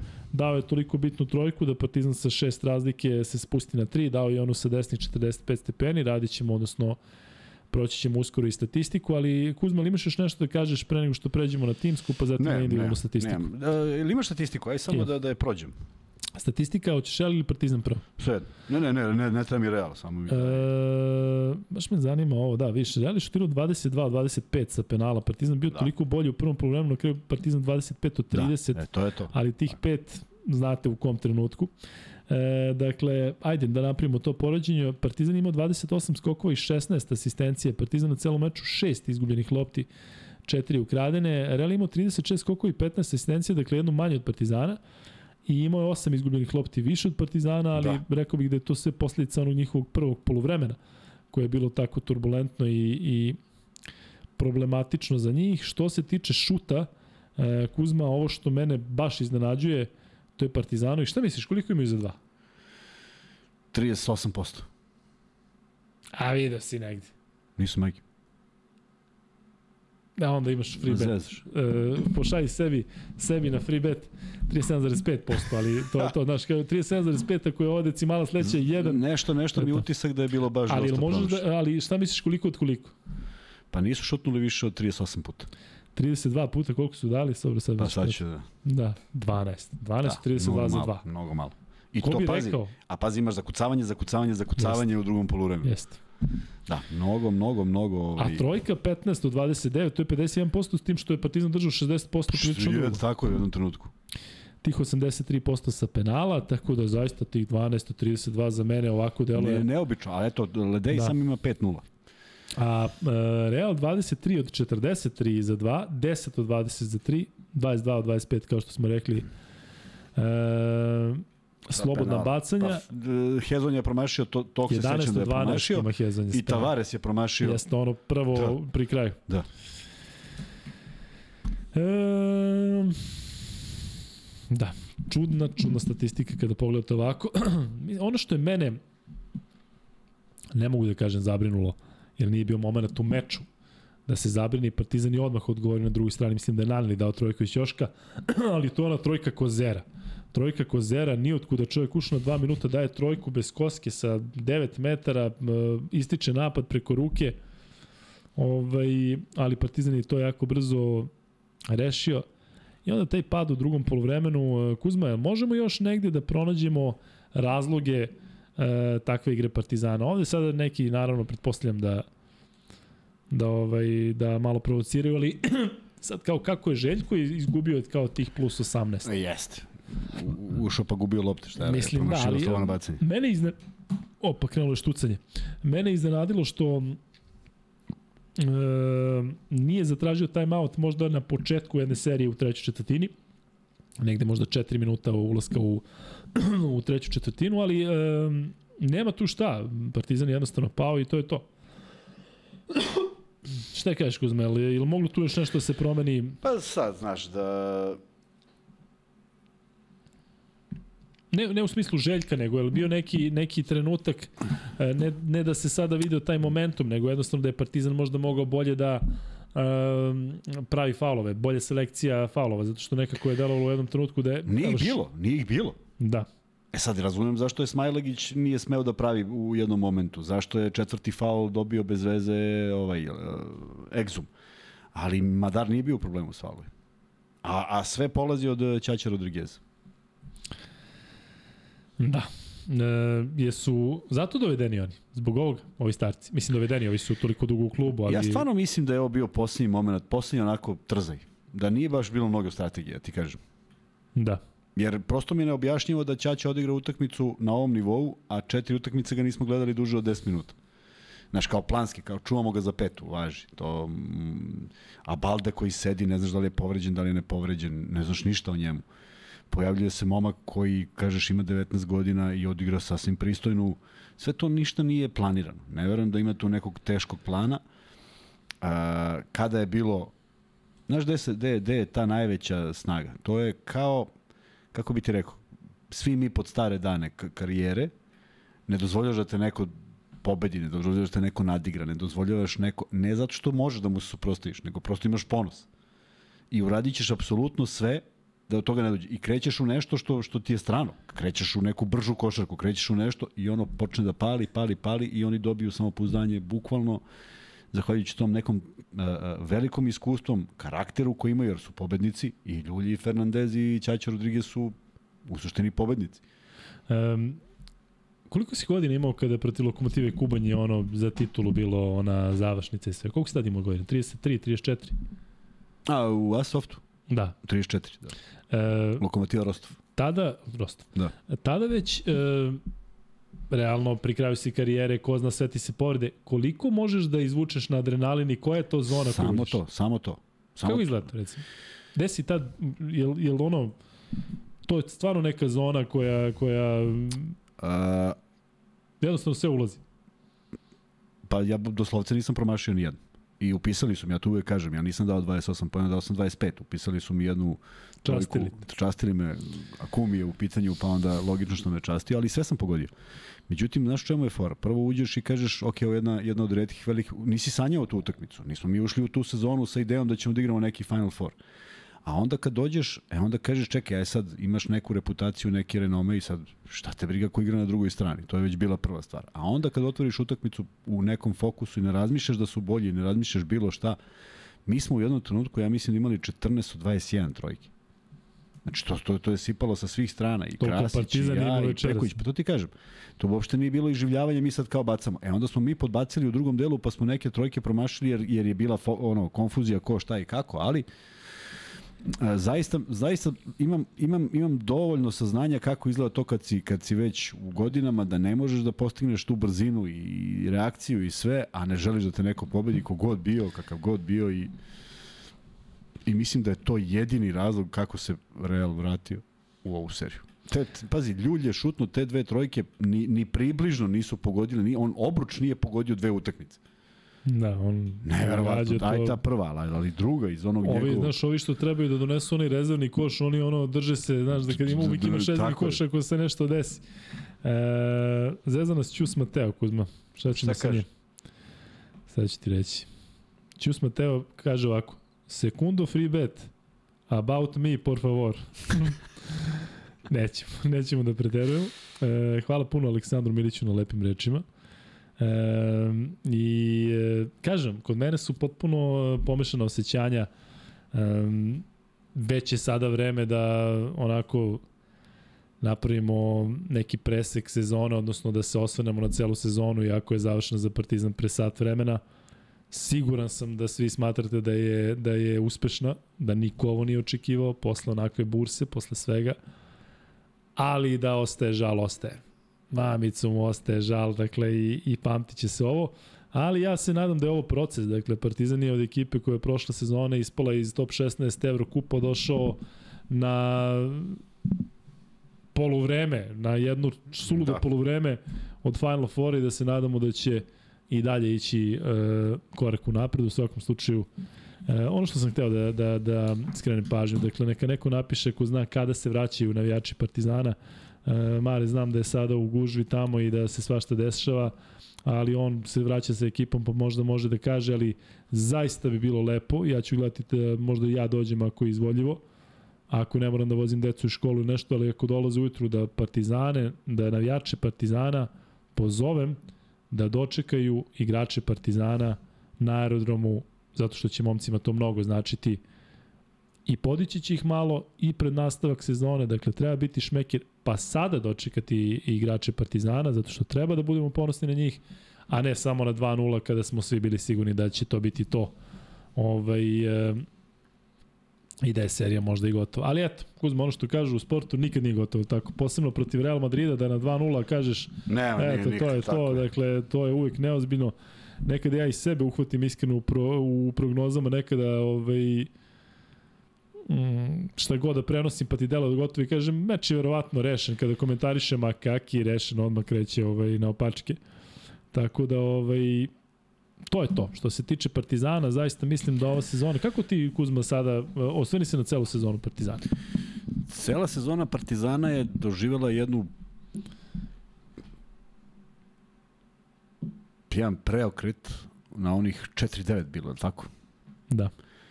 I tu su se poklopile kockice. I tu smo videli neki igrače koji menjaju svoju ulogu u timu. Darko Plavšić je to lepo, lepo objasnio, kaže, vidiš Trifa samo u ćošku, Panter mu dodaje loptu, pošto sad shvata da to da tako to teče bez obzira na sve ostalo, da to mora bude košarka koja se gaji i mislim da je tu dosta toga se poklopilo. Zato što ja i dalje tvrdim da je iza svega toga jedan naporan rad, da ne možeš da ukombinuješ nekoliko novih glava i da to tako funkcioniše, pogotovo posle povreda i pos, pogotovo posle renoviranja ekipe, bez obzira što je sa nekim igračima Željko sarađivo, ali Egzum je u stvari nepoznanica za sve, zar ne? Pa trebamo naći mesto.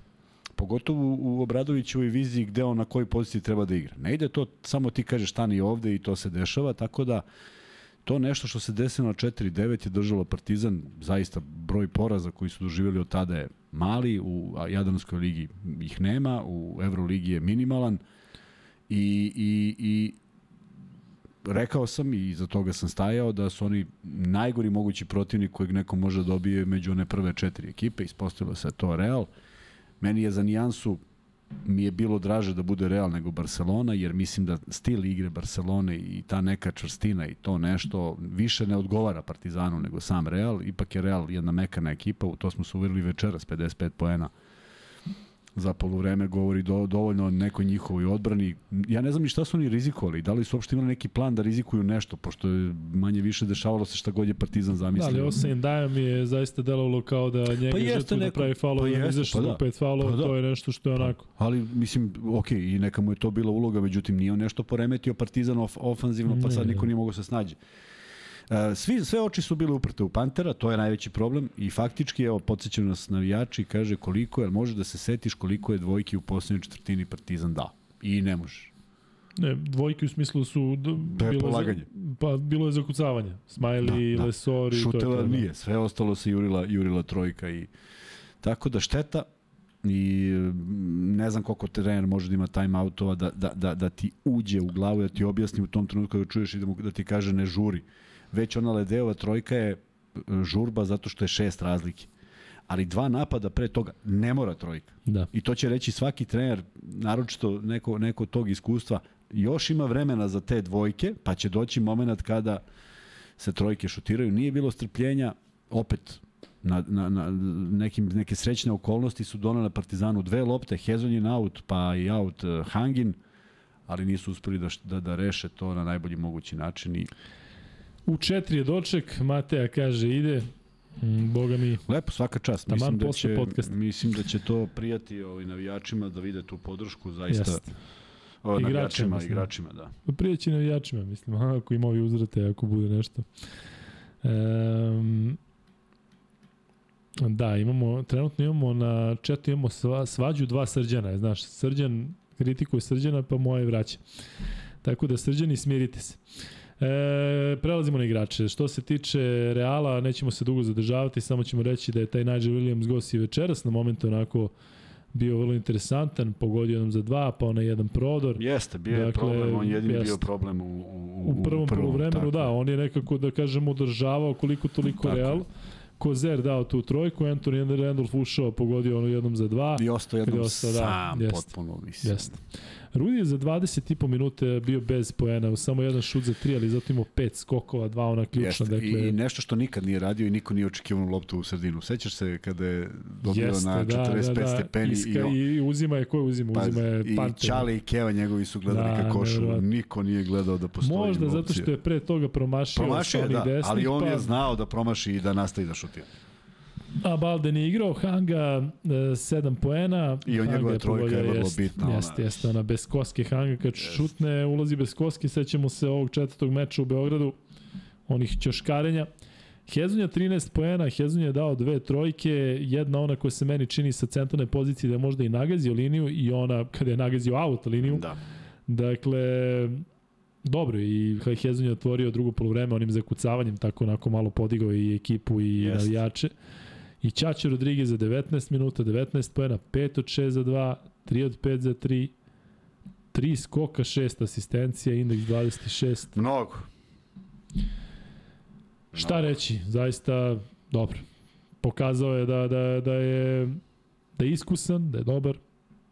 Ne znam koliko je puta u karijeri bio u ovakvim situacijama, ali deluje kao da je apsolutno Ko? sve kontrolisao. Ćaće. Pa da na 2-2 on sada nešto uzima i preuzima. Ma on je čovjek dva puta osvojio Euroligu, dakle Ma svaka ej, čast. sve ništa to sporno. što je uradio, ali, ali vidi, s- be, kako bi ti rekao, delovalo je bez napora. On nema ni jedan faul u kontaktu.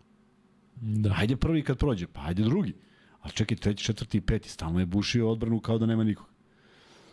Mnogo, mnogo, fantastičan učinak za tako kratko vreme, realno. Nemanja donira i kaže pozdrav za internet danas. Hvala Nemanja. E, Tavares 12 pojena 4 od 7 za 2, 4 od 5 za 3, 7 e, skokova Kuzma, je on danas bio zatvoren ili je taktika bila da se ne gruva toliko na njega? Ko?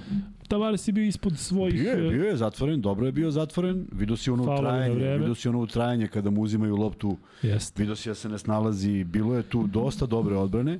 E, mislim da ga je stiglo, bez obzira što je on kao odmorio za vikend. Ono, ono sve što je odigrao u tih četiri Ostavlja utakmice, traga. ostavlja traga, tako je. Psihofizički. A, vidi, da se razumemo, on ima ona dva monstruoza zakucavanja, kad samo se prošta kroz reket, nema što da zaustaviš ako on uzme, uzme, uzme dovoljno prostora, ali mislim da je Smajlagić, a, šteta mora da napravi već vrlo brzo dva faula, pa Madar, pa ne znam ko je bio treći, pravili su poprilično ozbiljne faulove koje su ga slali na liniju penala. Znači nema. I, nažalost, Exum je napravio jednom onaj ničija lopta sa zemlje, pa je verovatno Jest. ga opalio kad je krenuo na gore. Jeste. I to je jedini put da je, da je, da je on nagrađen za to nešto što je uradio.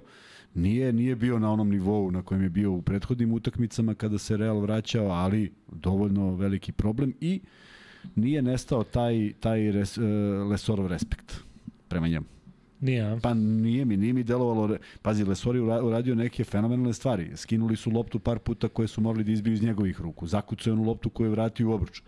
Ali nije to na kretnja ka košu kad on komotno zna šta se dešava. Tako da, ovaj, odradio je dobar posao i mislim da je on jedan od opet najbitnijih igrača, bez obzira na sve. Apsolutno sve čestitke Valteru Tavaresu e, za to kako je odigrao celu seriju. Nije učestvovao u onom incidentu, da jeste, verovatno bi je jednom, jednim zamahom bi mogu da udari tri šamara, dva igračima Partizana, jedan nekom svom. E, momak koji zaista ničim nije pokazao da treba da, da budemo ljuti na njega, kivni, gospodin dostojanstveno se pojedna- ponaša u Beogradu, svaka čast za slobodna bacanja, on je danas šutirao bacanja 4 od 5 kada je promašeno jedno su ispili u fazonu u konačno Dakle, dečko je na nivou gde jednostavno je nezaustavljiv u smislu da je toliko visok, toliko dominantan, kao što je Željko Bradović ranije pričao, vrlo inteligentan, iako se to ne vidi kako rešava situacije kada je udvojen ili utrujen, ali e, sećam se da je Željko sve vremeno kada je vodio Panathinaikos i kada je u Panathinaikosu igrao Nikola Peković, baš igrao sa tom ekipom e, odnosno sa Panathinaikosom je igrao protiv Partizana pre nego što je Nikola prešao vamo i na konferenciji za novinare dobro pamtim njegove reči kaže ljudi nemoguće kad imate jednog toliko dominantnog centra a ne možete da ga za, za, zaustavljate faulovima Peković šutirao 12 od 12 sa onim mišićima to mi je tek da. nevjerovatno. I ovaj svojim šakama zaista ovaj sve pohvalno Ne da pogrešiv, ne pogrešiv. Skinuo je sve što je trebalo, naravno u drugom polovremenu i to prilično beskompromisno, to su bili skokovi sa širokim laktovima, nije bilo više sad, kad su oni uzimali taj zamah, nije bilo više šanse da im se uzme lopta ispod koša. Blokada na Trifi isto bila onako momentum kada se ponovo malo da, publika probudi, da, imaš da, siguran da, pojas da, za Partizana, da, da, da. s tim što to misli da je to faul, pa Trifi ide ovako, pa to je sad, sa to strane. Su ti sad, to su ti sad ova nova, znaš, kao šta je yes, šaka, šta je da. lopta, u neko vreme bi sigurno bio, ne bi niko ne razmišljao. Trifi, Trifi koji, koji mu e, ništa ne ide, da, to je neverovatno. Da, da. Šteta, baš šteta. E, Sergio Ljulj 8 poena, dve toliko bitne trojke. 8 poena, ne pamti, ono dva niko, ne znam šta je mogo da uradi. Nešto je prošlo, nešto tamo po onoj čelnoj liniji, pa je nešto poentirao. Da. Elijan daje, momak svaka čast, 4 poena, ne znam kada je igrao 12 minuta u Euroligi. E, ima ono jedan koš kada je ostao sam na ziceru i pogodio oba slobodna bacanja, ja sam bio ubeđen da će promašiti bar jedno. 4 Da, makar neki pritisak da osjeti. Ali... Jest, četiri poena, četiri skoka i pet faulova, što je verovatno i bila ideja da se on ne čuva mnogo. I Kuzma najefikasniji igrač Ala je danas ko? Pa Ćaću. Nije. Nije, ovaj, pa ko je onda ostao? Da meni je čudno. Čekaj, nije Tavares? Nije. Kaže pa nije valjda Hezonja? Nije. Ko nam je ostao? ne mogu vratim. Ko Dere Jarc? Mus? Mus. Ali pazi, 20 pojena, 11 pa jeste, sa penala. Da, ej, jeste, stvarno kad jest, vratiš. I na početku ima one prodore. Tako je, da. tako je, početak, prodori, slobodno bacanja, ona trojka. Jeste, da, da, da, da, je, jedan od jedan za tri. Musa koji zna da šutne onako po 6-7. On imao 3 od 8 za 2, ali Musa imao i 6 skokova i 4 asistencije. Jeste, i to neke skokove uzeo gde nije jeste. bio u prednosti. Čak i uh, rampu lupio Panteru, što se redko dešava da baš ga neko tako pročita, ali ovaj, upravo si imao je neke skokove koji nisu uopšte pripadali njemu, prosto na dobrom mestu i dobar osjećaj. Čestitke Džananu za celu seriju, e, čestitke što je zaista u onom incidentu nije učestvovao toliko kao što je delovalo, on se tu nešto trču, uglavnom dobio neke udarce, ali... Svi su ga, svi su ga šekiću. Jeste, tako da zaista njemu ovaj, želimo da bude dobar i u nastavku, odnosno u završnici sezone. Prelazimo na Partizan i krećemo, naravno, kao što je to obično slučaj od Tristana Vukčevića, pošto on uvek tu prvi sa brojem 1 nije igrao, e, Balša nije igrao i Andjušić nije igrao. Jesi očekivao nekog njih trojice, ja ja sam Andjušića bar na 5 minuta. Ili da, koliko god. Da, ali vidi ovako, aj sad ti znaš da, da, da, da svaki trener voli da proba nešto. Zamisli da je moment ulaska 7 minut drugog poluvremena. Nije realno. A do tada nekako sve ide. Da. I ti imaš Jeste, Jedinu da, nije, bilo, nije bilo trenutak kada Andjušić sad Sad ti kako ubacuješ čoveku, ubaciš neku da pojača defanzivu. Tako je, da ga ubacuješ na, na, na seriju Reala, da on kao nešto prekine to. Baš nije, nije se nije bio moment, tako, tako je, nije bio moment. Moglo je to nešto na Jeste. početku, pa probaš, ali prosto nekako je sve delovalo da ide. Kažem ti, ja sam odgovarao na poruke da, ovo, ja ne, da nisam video način do ulaska Ćaća Rodrigueza kako uopšte može napad Reala da izgleda tako da ti sad imaš neku konstantnu pretnju. I onda je on napravio zaista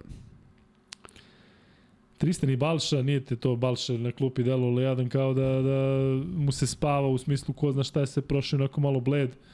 E, sad se vraća treninzima, znamo da je odigrao malo ono u Beogradu, ali e, nije se očekivalo Kuzma od e, Balše bilo šta. Pa tako? da ti kažem, ako je on u dobrom trenažnom procesu, ja bih volao da ga vidim već u subotu ili kad god je zakazana utakmica malo da se ovi, da, da, da danu malo dušom, da, da, da se odmore. Ne pocenjujem studentski centar i mislim da niko ne treba da, da pocenjuje bilo koga. Oni su ostali bez ovog Lorena Jacksona sada, ne znam kako, kako god da je. Prosto... Raskinut ugovor pred playoff, pa kao, pa to je, sve mu želimo najbolje. Da, svi srećni kao što je otišao. da, ne, nisam, nisam shvatio. Vjerojatno se nešto desilo e, da, da, da, da pokušaju da uđu malo u taj ritam. Zato što dolazi opet serija, pazi, ovo je jako duga Partizanova serija. Jeste u moru tih utakmica nemaš vremena za oporavak, nemaš vremena za trening, sad su oči uprte u Batu Zimunjića koji treba smisli neko čudo. E, treba podići igrače i psihički. Zato što ovo nije običan poraz, ovo je poraz koji boli. Da li misliš da je Željko pomislio ili čak rekao u slučionici za pomenuo studentski centar? Mislim da je prerano. Ne, Koliko god to bilo ne, blizu. Ne, ne, znam, pa ne znam ni kada je zakazan utakmica. Mislim da još nije ni zakazan ali mora da bude pa, jako brzo zbog ovih ljudi koji čekaju. Ponedeljak zašto je u subotu, nedelju se igra ponedeljak najkasnije da, meni Pa ne, nije sigurno i neće ništa ni da spomene i sad će da da da, da prepričavaju utakmicu i nije ovo prvi poraz, ali sigurno sigurno nije video ovakvu seriju. E, ne može niko da bude lako, ne može ti bude lako bre kad gledaš, nekad igraš i to, to je ono što sam uvek govorio znaš da si menom pitao je li svim igračima teško. A, ja ne znam da li je svima, ne znam da li sam ja igrao sa svima kojima je bilo teško, znam za sebe i znam koliko jeste teško kad izgubiš neku ovakvu seriju poprilično neobičnu. E, imao sam prilike da učestvujem u jednoj, to je 2-0 za nas u Beogradu, pa 2-2 protiv Partizana, pa ovaj, povratak na petu utakmicu, ne može ti bude nikako, ni, ni, ni, ni, ni ništa ne može ti bude, samo si tužan i to je to dok ne prođe. Tako da, e, Obradović imati razumevanje za svoje igrače, mora da ih odmori i prilika, kažem, da malo prošara, da, da, da, da neko iznese tu neku, zato što će biti potrebni. Sad dolazi opet serija utakmica koja može da potre. E, da. Mm, bilo neko interesantno pitanje, ali mi je sada promaklo da se vratimo mi Vi na koji igrače. ste postavili interesantne pitanje. Da, da. Šaljite, Šaljite u, ponovo. u inbox. Ne znam čega, ali šaljite Ima jedna, ima jedna interesantna stvar koja se pojavila. Uh Mhm. -huh. Ja ne mogu kažem baš da svemu verujem što pročitam, ali deluje mi da je po- poverljiv izvor. Jabusele nije ni probao da mi se izvini. Kaže Exum. I to je ono što je najneobjašnjivije. On se raduje kao da je Malten igrao utakmicu, pazi, nema učešća, on, neće, on će samo da ih bodri. A, Mene bi iznenadilo da on posle onoga bi pokazao neku ljudsku. Pa ja dakle, on je mislim- ostao dosledan tome da je mental, tako da... Pa znam, ali video si, upravo ti to kaže, video si koment, razgovor Pantera i Ljulja, Jeste, da. koji su, zbog kojih se zakuvalo sve i sad ti ne priđeš i kažeš, ej, Burazeru, izvini, stvarno sam, stvarno sam bio blesav. Nešto kažeš, nešto što ima smisla. Ne sad ti da padneš i da se kreveljiš, ne. Samo kažeš, ej, izvini. Ja mislim da, pa ja mislim da, si vidio kad je prišao Exum, Rudiju. Rudiju. I to ne verujem, znaš, da je sad kao da ti vratim ja što si ti prišao Ma, meni. jok, znaš, bre, čoveče, jednostavno pao, bro, odvalio ga. Tako je, duel koji Da. nije uobičajen. Nešto, nešto se van serijski desilo. I baš je trčao ono ka njemu da, da vidi i da proveri situaciju kada je već bio blizu klupe. E, Musa kaže, javlja Crni grobar, da je Partizan iznenadio. Musa je rekao posle utakmice da su mislili da će dobiti 3-0, gde smo ih baš napatili i poželao puno sreću u ABA ligi, koju je naravno igrao. E, da dođemo do 750. lajka, pa će Kuzma da ispuca e, drugi free bet, pa onda 1000 like i onda idemo na treći free bet. Tako da ajde da dođemo do toga. Naravno, vidim da vas ima puno u live-u, skoro 3000 glasova samo. Stvarno? Da, 3000 ljudi je trenutno u live-u, bilo bi vjerojatno nekog rekorda da je Partizan dobio. Bilo bi sigurno više donacija, to sam siguran da bi ovaj, e, ljudi od sreće donirali i hvala svima koji donirate. E, Tako da čekamo se 750 like pa pucamo dalje sa free betovima. Umeđu vremenu da se vratimo e, statistici igrača. Zekle Day 9 pojena 0 od 5 za 2 što je pitao Dule da li nas iznadilo, jeste, nismo navikli od njega, 3 od 5 za 3. Dakle, obično je drugačije kod Lade imao onu jednu e, krizu tokom sezone kada nije pogađao penala. trojke. I bez penala. Da, Bez penala, Lede i bez penala. jeste. Čudno. A to je sve, e sad pazi, možda malo glupo zvuči, ali sve ti je to kako otvoriš utakmicu. On je otvara onom rampom. To mu je prvi kontakt s loptom. I, da. I od tog momenta on više nema tu prednost u nekoj, nekoj igri pod košem. I zaista je nezgodno kad ga čuva taj momak i kad ga čuva Hezonja, prosto nije navikao, on voli one gabaritnije koje može da okrene oko noge i da, i da poentira, ali taj šut za tri poena, nažalost ta trojka ipak stigla prekasno. Ovaj, I ona jedna je bila iz kontakta, pa je, dobra stvar što nisu otvirali faul, ali morao da šutne jer je isticao napad, tako da ona se ne računa u nešto što je što je pozicija, ali 3 od 5 je sasvim pristojno, samo je nedostajao tih njegovih 2 od 5, 3 od 5 za, za 2 i to bi bilo sve u redu. Kevin Panter 37 minuta 28 poena 1 od 4 za 2 7 od 13 za 3 moram priznati da takav odnos nikada nisam video. 5 od 5 sa penala. Ti si Kuzma rekao juče i inače govoriš koliko je bitno da se pogode ti prvi penali. Partizan je zaista posebno kod igrača recimo kao što je Lesor međutim tako je sve to izgledalo sigurno u prvom poluvremenu. E, dakle Partizan se ulazi onako bez koske. Dakle to nije ono kao da je neka nesigurnost nego baš je Sipalo bilo je. dominacije E, tih 7 od 13 Pantera je pokvaren prosek onim promašenim trojkama u završnici i generalno u drugom polovremenu, zaista svaka mu čast šta je pogodio i još ono tablu. Tri asistencije, dve izgubljene, indeks 26, ubedljivo najviše kod igrača Partizana.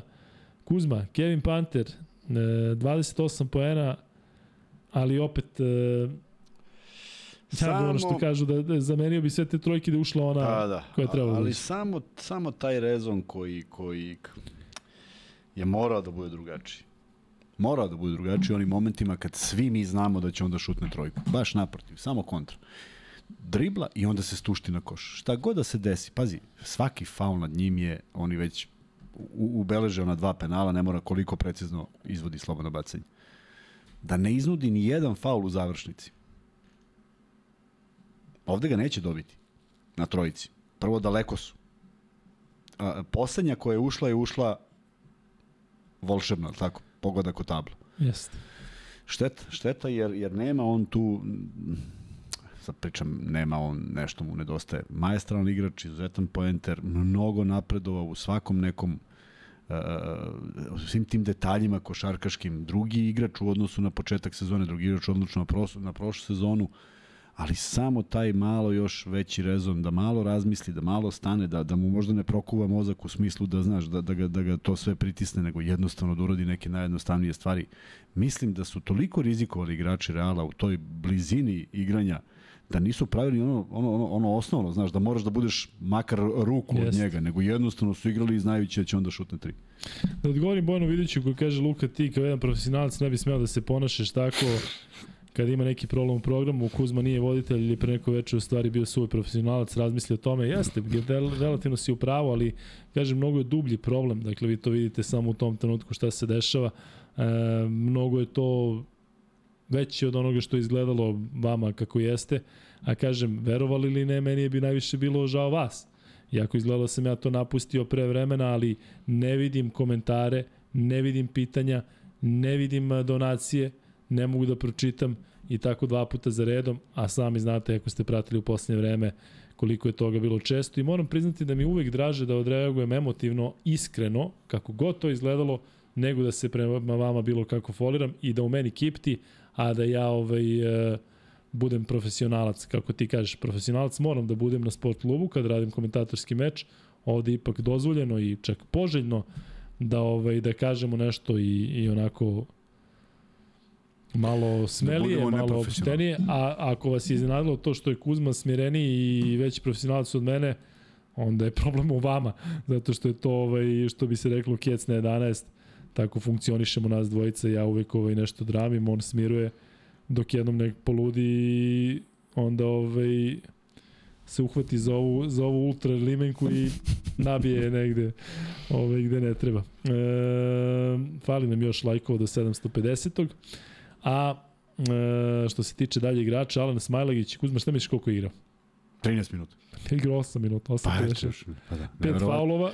Delove ja pamtim 3, ja ne pamtim si 5. Delovo je da je svuda. Pa ima onaj sa zemlje kad on vuče tavare sad, to, znaš. pamtim, da. I, e, tu, tu, tu kao da, kao da, kao da nekada ne, ne razdvoje, znaš, on je dobio direktivu da se napravi faul. Pa već ima dvojica, pusti neko nek, nek oduzme taj jedan faul. Nemoj sad još ti da grabiš sa, sa, ali on kad to čuje, bio je odličan za to što je igrao i mislim da je ovaj, već u startu otvorio utakmicu tako da se videlo da može da napadne da naudi Realu, ali sam sebe ograniči jer mislim da je raj, najrevnosniji u pravljenju faula. Jesi primetio? On, jeste. on napravi peti i to je to. Pa. Jeste, jeste, jeste. Da, njegov prosek faulova po meču kad e, vidi... Vidi, vidi, moraš da osetiš u jednom trenutku i odgovornost prema svojim saigračima. Ako tebe ide i ako si faktor koji pravi razliku, pa ne smeš da sad ti kažeš, ej, rekao mi trener, pa nije, čekaj, stani malo. Znaš, mora da postoji nekad otklon od toga da li da ga napravim sada ili da primimo taj koš, pa ću ga napravim za tri napada, ali možda ću, možda ću uspeti da dam šest poena. E, Smajlagić je ono prvo deo utakmice, posebno naravno pamtimo onu kada je razbio trojkama e, Ma i uvek igra Tavaresa i kada, kada izlači, on danas nije šutirao ni jednu trojku. Da li je sad to već bio neki odgovor Reala, odnosno da sad znaju da je opazan tako, pa i Tavares da mu priđe na neku Jeste, ali obilazio je, pa je obišao par puta, pa je uradio da, nešto jest, pametno. Tako ali očekivao sam da će šutnuti za tri, jednostavno. To je, e, to, to je, je, to je sad stvar samopouzdanja. A, a ako ga neko ima, ima ga on, nakon svega što je pogodio. Ja mislim da je on tamo sad... u Wizing centru. Jeste, ali ja mislim da je on sad dobro čitao odbranu i da jest, to sve što je uradio, nije uradio da bi šutnuo, sad kao zabeležili smo da je on šutnuo trojku. Ali ono kucanje Smajlevo nakon svih njegovih povreda, Ej, shvatio da ovaj ne može da ga prati, bombara. Toliko njegovih promašenih zakucavanja dok je bio u Golden State-u i u Partizanu nekog ispravlike želja, ali kapuljača ona kad je puklo. Znači, zaista je jedan od najlepših poteza, rekao bih, cele serije. Janis Papa Petru, 10 poena, 2 od 4 za 2, 1 od 1 za 3. Zar on nije promašio jednu trojku? Ko? Papa Petru. Možda se meni učinilo. 3 od 4 sa penala, dva skoka, jedna asistencija, pa Petru nas je doveo do toga da jednostavno njega ne očekujemo puno, tako da kada on A šta je to što nije bio loš? Done, done lopte. Ništa da, to nije bilo loše. No, promašio on je prvi put je promašio, uh, Dobro, uh, promašio, ali je promašio. tad Partizan bio u seriji, ja sećam se, opsovao sam ga i ovi drugari moji, kao daj bre, šta ti je bre, sad si uzeo pa, pa Petrua na, na zubi, već je sledeći napad se popravio. Kuzmo, dolazimo do Dante Exuma, 22,5 minuta, 16 poena, 2 od 4 za 2, 2 od 6 za 3, 6 od 8 sa penala, 3 skoka. Žao mi što nije uzeo onu jednu trojku kada je Partizanu trebalo, a bio mu igrač na 2 metra, jeste to bio početak napada i Željko na time auto postavio nešto Da. drugo. Da Ali se generalno- to nešto. Nisam 16 poena očekivao od njega, u smislu, gledao sam utakmicu i sad me 16 poena malo iznenadilo. Da je mnogo. Da, Da je dosta. nisam ih, pa da, Da, da nisam ih sabrao. primetio, da. E, Ja ipak Toliko. mislim da on nije bio u svom elementu. I Da ovde ga se ljudi slažu. Jeste, da ga je poremetilo to sve što se izdešavalo, možda je možda i psihički, možda, znaš, možda legneš sam sa sobom i kaže čekaj bre, ovaj bacio na glavu, mogu sam da ostanem nepokretan, znaš. A, a eno ga tamo sad, znaš. Da, vidi ga sad mi tu prvi, navija, pa Prvi da. put ga vidi od tada. Pa da, znaš. vidi ga sad mi tu navija još. Tako da ima ima tu svojih nekih nekih otežavajućih okolnosti, ali koliko ja, ja ne znam, ja ne znam šta on ima, da li je nešto tu prosto ne, ne mogu zamisliti kako se bandažira nešto na nozi. Ne može imaš ništa u čarapi, ne može ništa da bude. Da li boli, da li ne boli, da li je blokada, da li osjeća celo stopalo, da li ne osjeća. Ne znamo ništa o tome, ali to je frustracija. Niko nikad nije isti kad je povređen, to je prosto tako, kakva god ona banalna povreda bila. Ja samo nadam da nije bilo bolno, jer bi ne bi mogao da trči ovako, ali ga je to odvojilo od onog momentuma u kojem je bio u toj utakmici. Um, ne znam ljudi, rano je za sledeću sezonu i za ko će komentarisati Partizan, Marko je to odradio zaista ove sezone tako dobro da je postao sinonim za pre, prenose Partizana.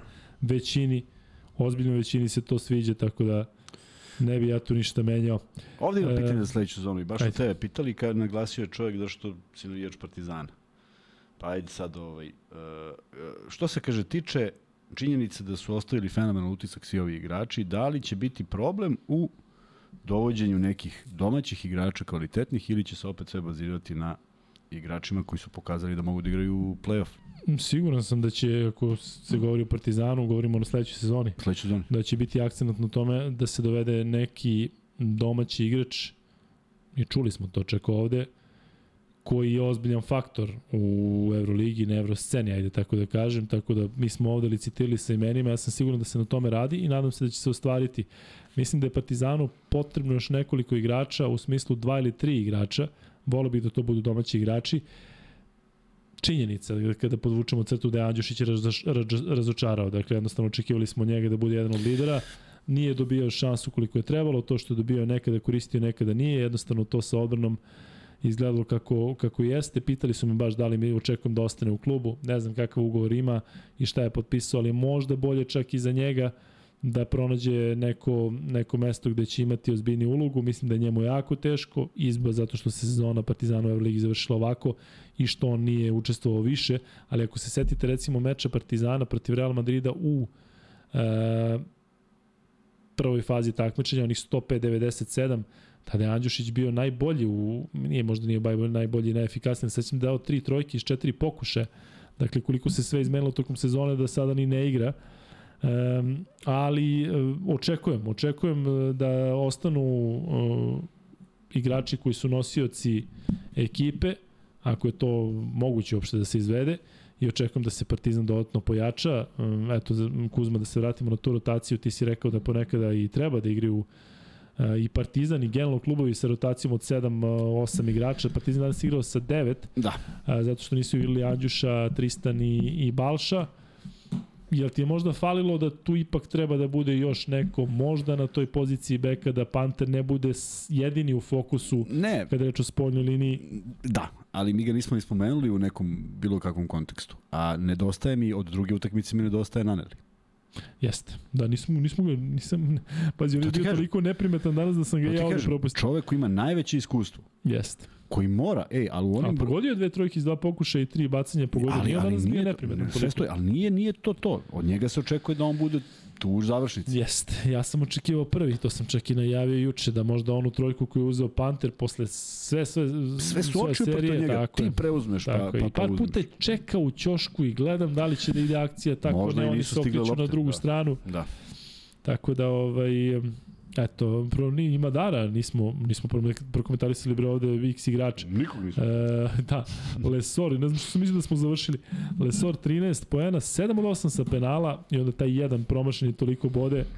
Oči 3 od 5 e, za 2, čini mi se 2 minimum za kucavanja, ali nekarakteristično za njega, samo dva skoka, jedna asistencija i jedna ukradena, igrao 25 minuta. Odbrana Tavaresu od strane Lesora, kako ti se činila? Vidio, nekako su Smajlegićeve i Ej, pa i ne, ja potezi su upečatljiviji. Ja sećaš jedan i jedan Tavares i Lesor? Pa ne znam, imaš nešto konkretno ili? Ne, nema. Pa uvijek, je, uvijek, je neko, pre, uvijek je neko preuzimanje, uvijek ovaj primi loptu sa nižim, uvijek dolaze lepo da pomognu. To je davalo rezultate. Jesi inferioran, pa se nekad desi lagan poen. Ali generalno iz, iz, iz, tog, iz, tog, iz tog udvajanja i svega toga što su preuzimali, čak najgore je bilo ono kad je Exum napravio faul na zemlji. Pa je ovaj zakucao.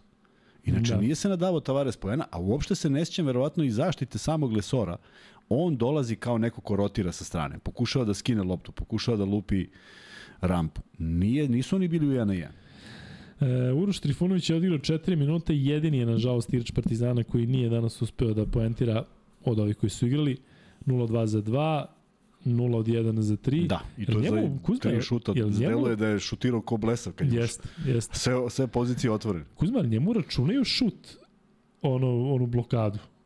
Isto računa kao šut? Pa mislim da da.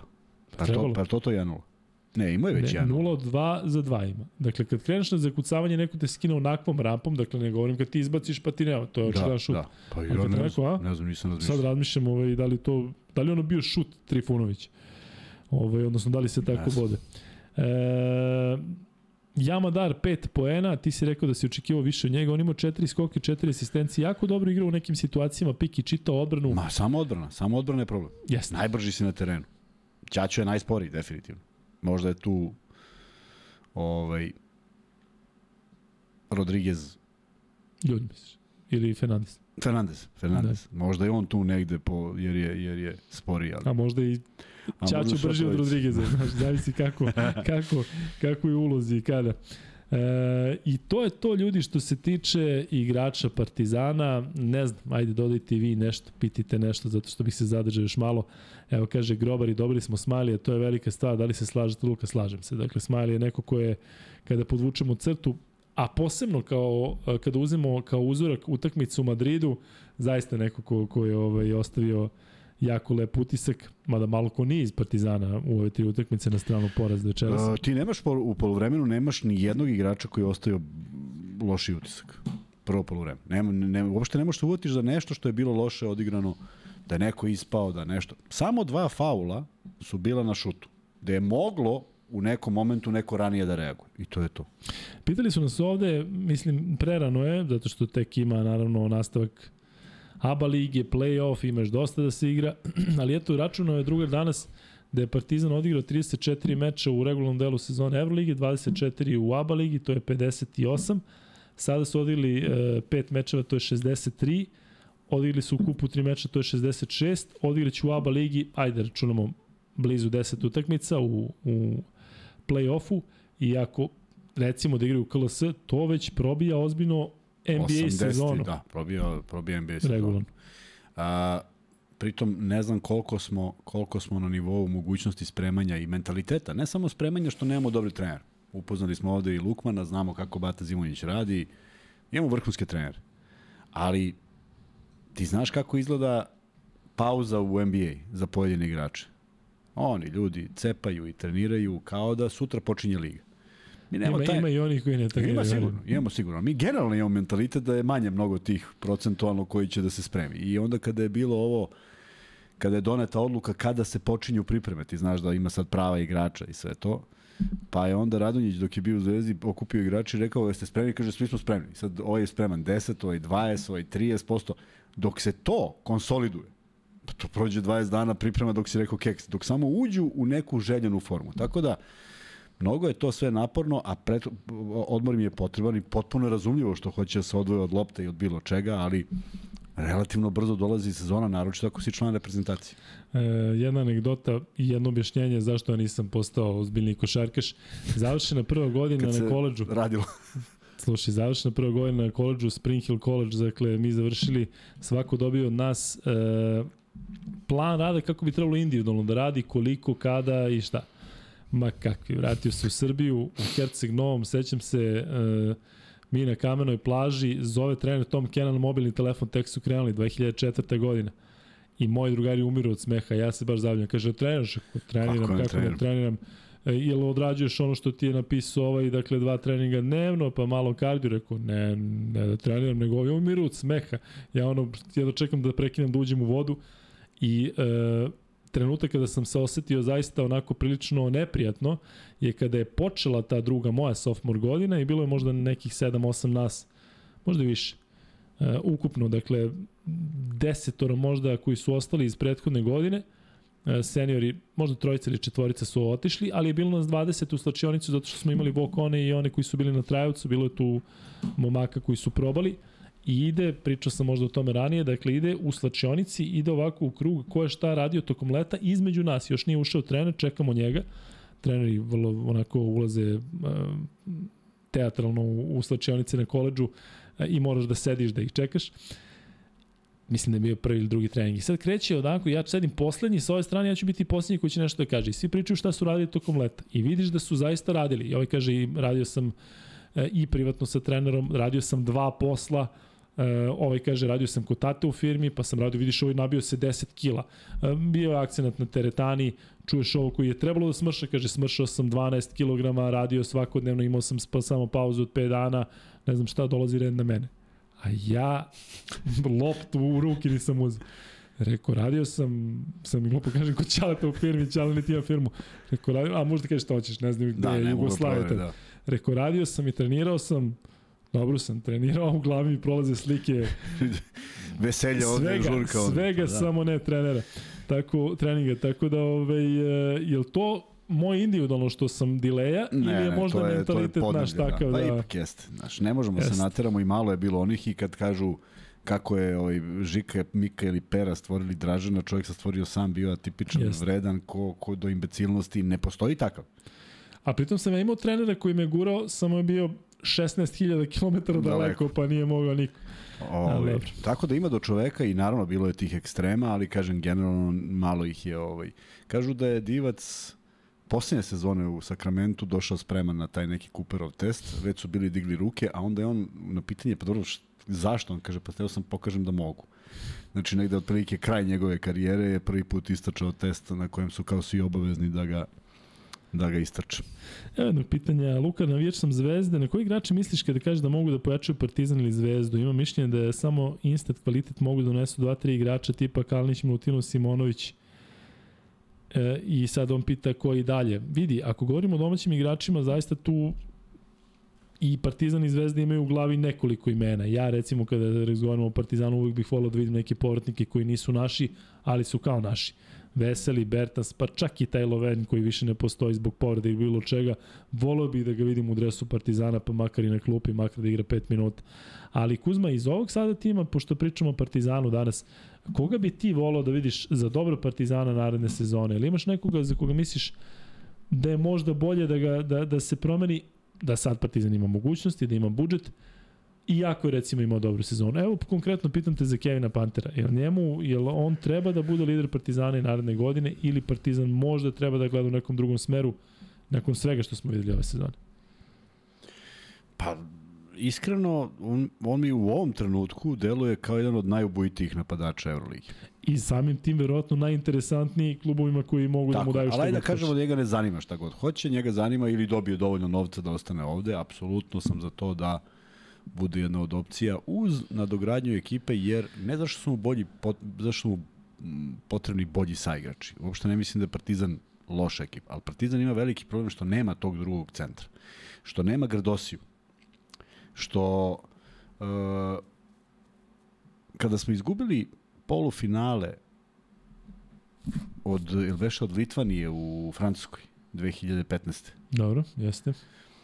Pa sve ekipe i za treće mesto. I za treće mesto. Sve ekipe imaju jednog u reketu, bio onaj, kako se zove onaj visoki, na A, jel beše na A, Francuz? Iz koje? Francuz. Visoki na A, Francuz. Baš visok, visok. Crnac ili belac? Bel, pa crnac. Možda i nije na. A možda i Crnac. Možda i nije. Nema veze. 2 2 15 2 17. Onaj uh, što igra u NBA je bio u Litvani 2 15 2 17. Znači jedini smo ko, nimalo, koji nisu imali igrača koji je to. Imali smo brze centre, sve to, ali Bobi nije igrao jer nije mogao zbog NBA.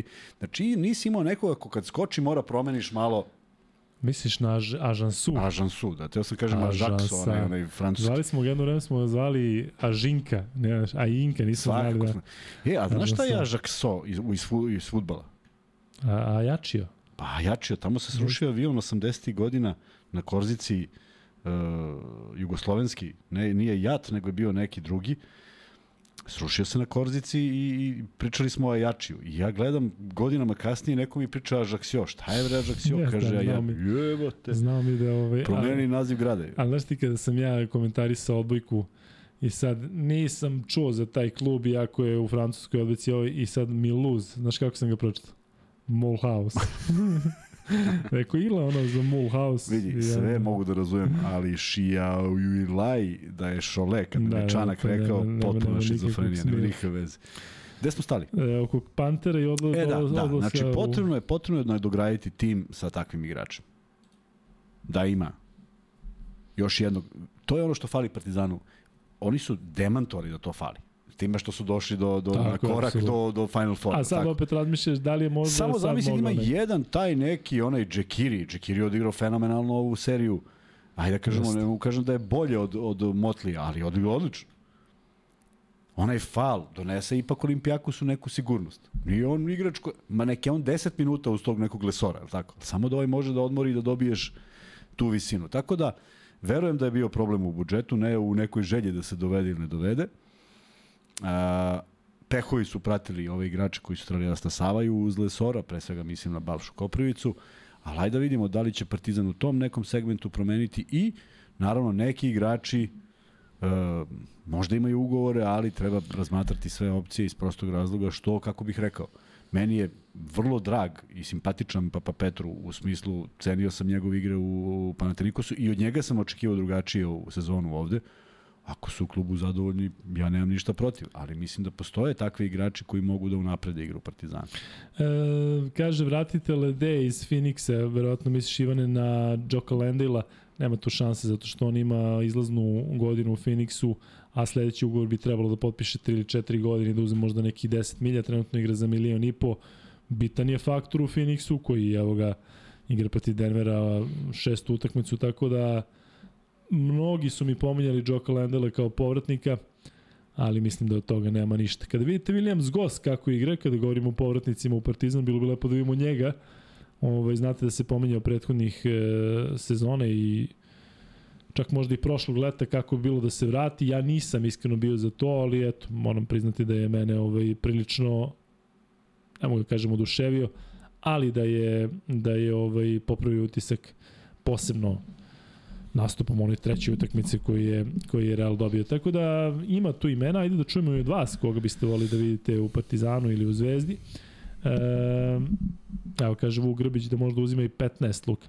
Moguće, sigurno, ne, ne, nemam, nemam nikakav problem da uzme što više love, mislim da je zaslužio, to je taj drugi ugovor koji, koji za Evropljane potpuno, po, posebno znači. Kada je mogu onih Xavier Cooks da uzme 6 miliona od Vašingtona, za 4 godine može i Lendl da uzme 20 miliona, tako da to je to. Čestitamo Exumu na tome što je u, na širem spisku e, za svetsko prvenstvo. Mislim da će Uzdrlijanci biti znatno slabiji nego prethodnih godina, zato što su to Mills, Delavedova, još neki džedovi, a znamo kako Ben Simmons igra, ima tu nekih mladih i domaćih igrača, ali ne deluju toliko dominantno kao ranije. E, Adams ne igra. Jalen Adams. Potpuno smo ga zaboravili. možda- Nikad ga nismo spomenuli od kada je otišao iz Zvezde. Možda ako mu, Jel daju, ako mu daju australijsko državljanstvo, možda Pa hoće. nema ga, a? Ove, je ali, Amerikanac. da, igra u, igra u Kini. Prošli smo to da igra u Kini, A tamo sa Dupom Ritom, verovatno. Tako da, ovaj, ne znam, mi svi ovde govore o tome da Milutino dođe, bilo bi super da to može. Znam da bi Kuzma volao sigurno da vidi tandem Kalinić Davidovac ponovo u Zvezdi. Mislim da bi oni sa ovim bekovima Meni da je, bi to ja, bilo... ja, meni je baš krivo što je on otišao. Mislim da bi se naigrao Mislim da bi da je on čovek koji ispunjava zadatke trenera, kad imaš čoveka koji je Duško Ivanović i traži te zadatke i ti ih ispuniš, nema ništa bolje, na terenu si da. i sve funkcioniše.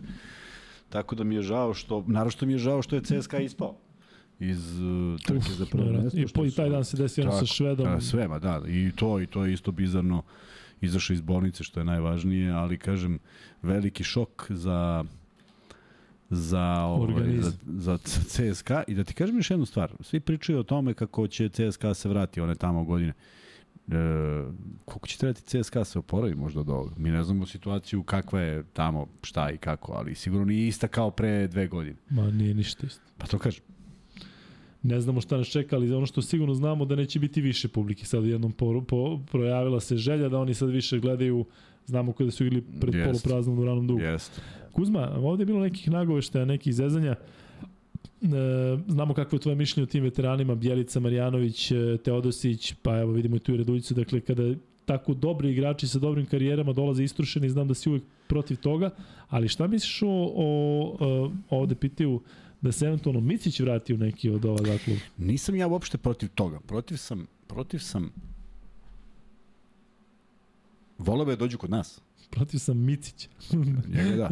Nisam protiv toga nego Volao bi da se vrate ovde i da imaju poštovanje koje imaju Rodriguez, Jimenez, Fernandez i svi Ezovi. A da li to postoje. moguće? Pa zato nije što, moguće. Zato što moraš da odigraš ipak dugo ovde da bi stekao to poverenje. Pa vidi, pa i dobro, ali vidi, na primjer, Kalina je igrao u zemlji dosta dugo. Davidovac je igrao u zemlji dosta dugo. A, Bjelica nije, ali je makar bio u Zvezdi. I onda on ode, ode, ode, ode negde i sad, meni je glupo da kažem, ali ja ništa nisam očekivao ove sezone. I desilo se jedno veliko ništa. I žao mi je što se desilo ništa, jer je onda mnogo bolje da je otišao u penziju. I kaže, neđu igru više. I ni, nema ono sad kao gde je Bjelica. Ovako, znaš, odigrao jednu utakmicu nešto u turskom prvenstvu, mislim.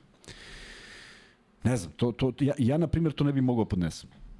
I s, s, presrećan sam što nisam imao sezonu u kojoj ne, ne radim ništa koliko god to lepo zvuči, imaš neki dobar ugovor i sve to, ali prosto to je, to je, to je do čoveka i ne volim da, da, da se tako pamte i žao mi je što nije igrao, ali bih nekad voleo da vidim da jedan taj koji se vrati dobije da ima taj osjećaj kakav ima Ljulj kada baca 4 air bola na, na, na tri utakmice i da te dve i ponovo će sutra piše hero, evo sad se slikaju svi, evo ih na Instagramu, njih trojica, 120 godina. Jel misliš da ga neko vređa tamo? Možda ga i vređa. Možda. Ma jo. Ali, Tamo. Bre, pa, pa to ti kažeš. Ma ne, sigurno. Ljulja u Madridu, pa, ne, pa možda da neki španac koji generira, ali tamo u dvorani, da je neko došao i rekao, e bre, Ljulje, šta radiš bre, kao? Nema šanse. E, Kuzma, šta misliš o eventualnim povratnicima iz NBA ligi u smislu mladih košakaša koji možda nisu dobili šansu zbog ovog ili onog e, ove ili one situacije, ako to sad s ugovorom Jovića nije moguće, ali recimo taj tip Pokuševski ili Jović, da idu putem e, Petruša u smislu povratka iz Amerike, kad kažem povratak iz Amerike kod Petruša, mislim povratak sa koleđa, sa Konzage, jel imaš tu, za Pokuševskog si bio prilično skeptičan ranije, ali znaš, kad tamo već ne može da igra, ima taj potencijal, pa nek dođe možda ovde, pa nek Znaš pokuš... koliko će trajati privikavanje? Dugo. Ja, ja sam ubeđen da da, da će koliko hoćeš volao bi da grešim, ja nemam problem da pogrešim, ali mi deluje da su to potpuno drugačiji postulati života, smisla, igre. Znaš, e, ja sam, ja sam juče sedeo, sve sam neke ljude u gradu. Samo je bila interesantna diskusija i sad nije važno ko je, tebi ću posle reći, ali fora je u sledećem. Uh, jedan od njih je trener, obojica su treneri, jedan od njih kaže treba uzeti prvi šut kad si sam. Mm, ima mnogo rezona odbrana se najmanje nada, to što ćeš ako promašiš tvoj trener dobio nervni slom, ali ima logike da je to prilično dobar šut. Željko Bradović ne voli taj brzi šut, je li tako? shvatili smo da kad ima ono, kad mora nešto da stigne, ne. Sad zamisli ti pa dođeš... Moje mislim da vodi kao i svaki trening kad uđe ta lopta. Sad znamo da je, pa čak i tada, ja mislim da on je besan da, i tada. Ali ovaj, a zamisli sad ti dolaziš sa tom idejom, baš sa tim pristupom. Čovječe sam se. Pa prvi pas je kao treći sekund, pa Znaš, mnogo je teško to prelomiti u glavi. Tako da ne znam mnogo, veliki, mnogo dobrih comebackova, makar neko od nas u zemlji da se neko tu odmah vratio. I ja bih volao tu decu sve da vidim u Euroligi, jer bi ta, samim tim mislim da bi Euroliga dobijala na kvalitetu ne istog sekunda, ali dobila bi rating i onda bi zavisilo mnogo od njih. Jović nije izgubio mnogo. jer je jednu godinu dobro se uveo u sve to, tamo je, primljen je odlično, naravno da bi ja želeo da on igra neku bitnu ulogu u tom Miami. Ali ako ne bude igrao, a voli košarku, imaće problem. Jer neće biti zadovoljan time što dobija. Ako se ne etablira kao neko ko je od koga zavisi utakmica. Meni se, ja mislim da se Bogdan još nije postavio tako. A za mene on ozbiljno dobar strelac, ozbiljno dobra glava, ozbiljno dobra fizikalija, ozbiljno mi je sve i vidim, meni deluje da on nije srećan. Pričam gluposti, naravno ne znam šta radi čovjek. Ali da, ja mislim da je miran. Pa, ali, da je jednostavno pronašao neki moguć, svoj mir moguće, i da on daje sve od tako, sebe. A možda ali... je trebalo i vremena da. da to prođe, a ti to prihvatiš. Jest. A možda imaš jednu dobru stvar za sebe i kažeš, ej, ali ja sam ipak evropski prvak. Pa mi ne nedostaje trofej. Zamisli da, da, da želiš. A znaš šta, šta mi se čini, mislim da je Bogdan uvek posjećen reprezentaciji da će sad igrati najave, da će igrati, ali nekako Bogdanova karijera je e, specifična u smislu da je on bio u Partizanu u jako turbulentnom periodu. Sveća se on igrao se 5 na 3, pa je on rekao da neće igrati reprezentaciju, pa ono da, davi ga Dule Vujošević, pa se posle pravdaju da je to sve porodično. Pa onda odeš u Fenerbahče, odeš tamo gde takođe gori, osvojiš titulu, prođeš mnogo turbulencija yes. i onda kažeš, brate, evo sad ću da uzem lovu i da malo odmorim od ludila i on je čak govorio kolika je razlika da igram igrice, da daje maksimum, ali da jednostavno nije više ono da je pobeda biti ili ne biti, da je kada izgubim da će ono da mi gori Instagram zato što će da mi prete, kada pobedim ej, da, da, neće, sam, da sam zvezda. Ej, Mislim da mu prija ta neka ej, vrsta mira, da ide igra malo košarku radi i, sebe i, zato što voli. I to je sigurno, i to je sigurno. I onda je prošla sezona tako da je on igrao to što želi. I onda je on shvatio da je na 27 50. Nije, nije, nije baš toliko. Pa do, ne veze, na koliko god, nije važno. I onda se uželiš toga. I onda shvatiš u jednom trenutku dolaziš na utakmicu u kojoj se ne očekuje mnogo. Pa igraš tako kad se ne očekuje mnogo. Ne možeš ti da odudaraš od ekipe. Mislim, možeš, pa onda te svi gledaju da li si normalno. Tako da, e, e, ja bih volao da on nema taj, taj problem, a mislim da mu karakter ne dozvoljava da ga nema. I mislim da on sada, možda ne na početku, jer to je sve nekako jednostavnije, što kažeš, nema tog pritiska utakmice, nema, nema onog ludila uh, van, van košarke, ali mislim da mu sad to nedostaje. Ja ću vam ljudi priznati jednu stvar. Ja bih volao... Ja da sam potpisao ugovor. ja bih mnogo, mnogo volao da vidim Crnogorce u Partizanu i Zvezdi. Kada kažem Crnogorci, mislim na Vučevića, nemoguće. Mislim na Dubljevića, teško moguće, pošto mi delo da će završiti karijeru u Valenciji ili tamo 16.000 godina. Još 16 godina će potpišati Tako je. A volao bi da vidim Simonović i ovde neko rekao da, da, da bi takođe volao momka iz Čikaga. Volao bih da vidim Fedora Žugića kao mladog igrača, da ga vidim na ovom nivou. I volao bih čak možda vidim i Drobnjaka, da vidim kako će njemu da, da prija da prija sve to. Drobnjak znamo da ima ovaj, specifičnu sezonu u budućnosti, ali Eto, volao bih te momke koji su crnogorci, ali se ovde gledaju kao naši, tipa da dobiju šansu kao recimo Nikola Ivanović, ti mlađi, a ovo sa, sa ovim, eh, da kažem, jačim glavama, naravno najviše bih volao da vidim Mirotića, ako je to ikako izvoljivo. Mislim da bi njemu prijelo, mislim da on zaradio. On je zaradio 50-60 miliona u NBA ligi, zaradio ovde 20. Dođe malo ovde. Dođe. Pa do uzmi ovde 2 ne, miliona, ne znam odakle će. Na milion ti, šta ima veze, ali znaš kakva dobra klopa u Skadali. Tako je. E, pazi, gde god ideš, ništa ne plaćaš i tu štediš. To, ja mislim da one bi stvarno ništa platio. Tako je da, ovaj, eto, to je ono što bih ja volao. Mislite o tome.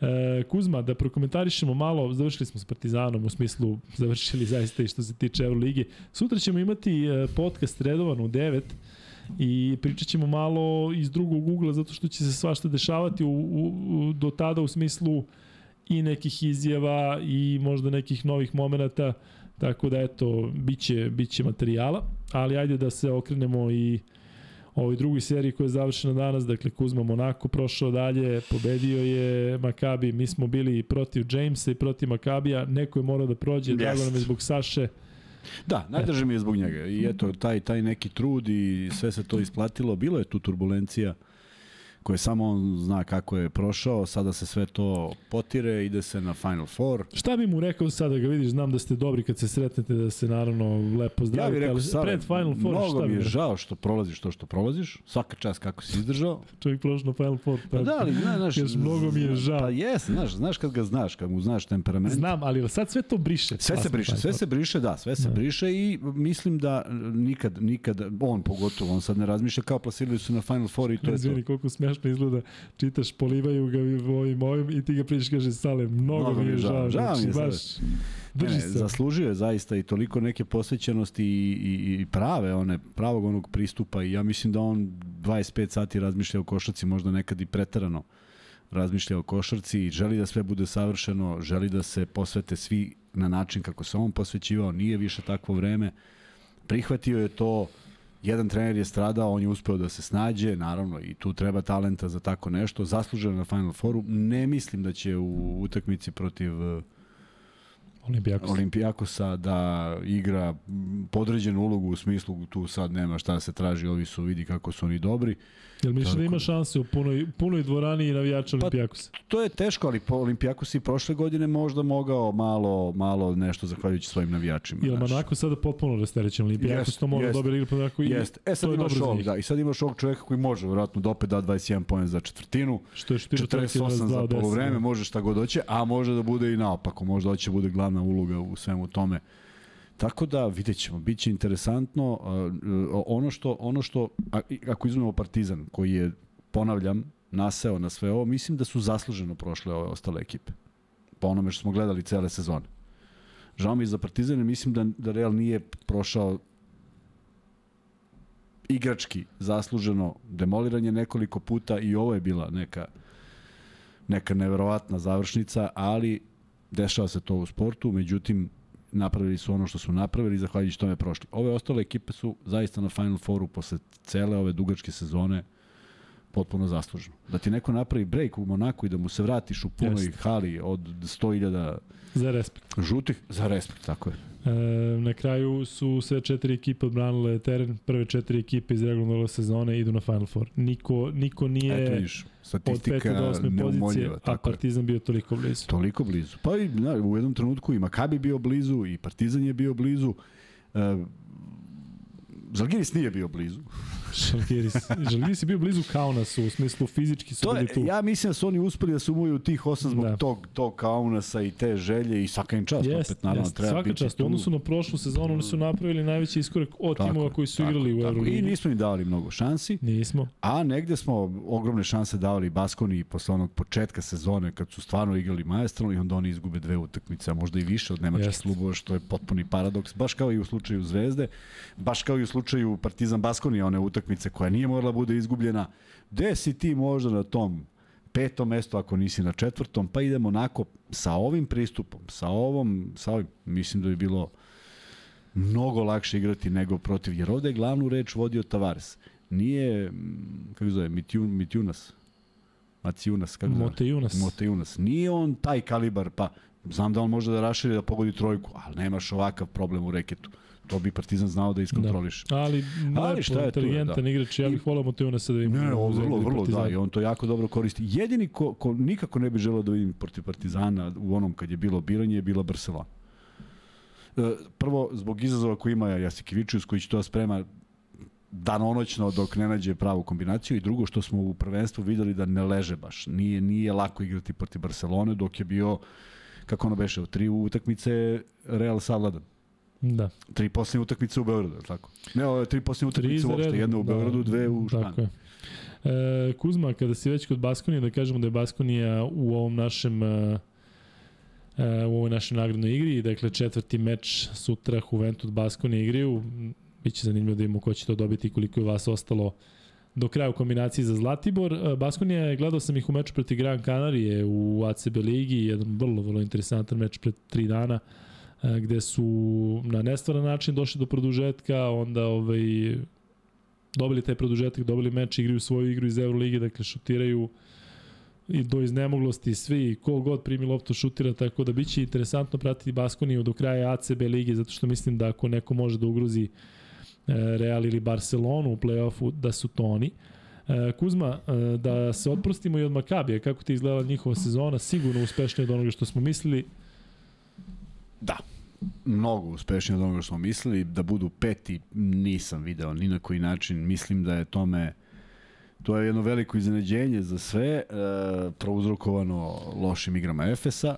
sad, znaš, jebi ga, neko mora da podbaci, nije sad tu, ja sam nešto pametan, ali činjenica da ih nismo videli u ovome i zbog načina na koje je sastavljena ekipa, međutim, to je sve kliknulo, oni su najbolja domaća ekipa, ali sigurno jedna od domaćih ekipa koja je u vrhu po učinku na svom terenu, mm, kada igraju i kada sve ide, to izgleda fenomenalno, kada ne, nema B plana, ne vidim ništa smisleno i prosto mi je iznenađenje da posle brejka ne pobede dve kod kuće, tu se videla ta njihova slabost i onda kad je došla peta utakmica, stvarno sam video da, da, da samo uz fokus koji, koji imaju, ovaj, koji mogu da imaju kada igraju zajedno i kada igraju kolektivno, da mu da je onako bliži pobedi, uspeo u jednoj vrlo teškoj utakmici, bilo je tu klackalice dosta, ali zatvorili su reket zatvorili su put do koša u onim bitnim momentima i zaista zasluženo su na, na Final Four. E, ja sam govorio o tome, kaži, ništa, ništa. kako je Wade Baldwin zaista fantastičan napadač i kako bi možda volao da ga vidimo u Zvezdi ili Partizanu. Delo je da malo više voli da solira, ali zaista jedan igrač kome date loptu u ruke i može na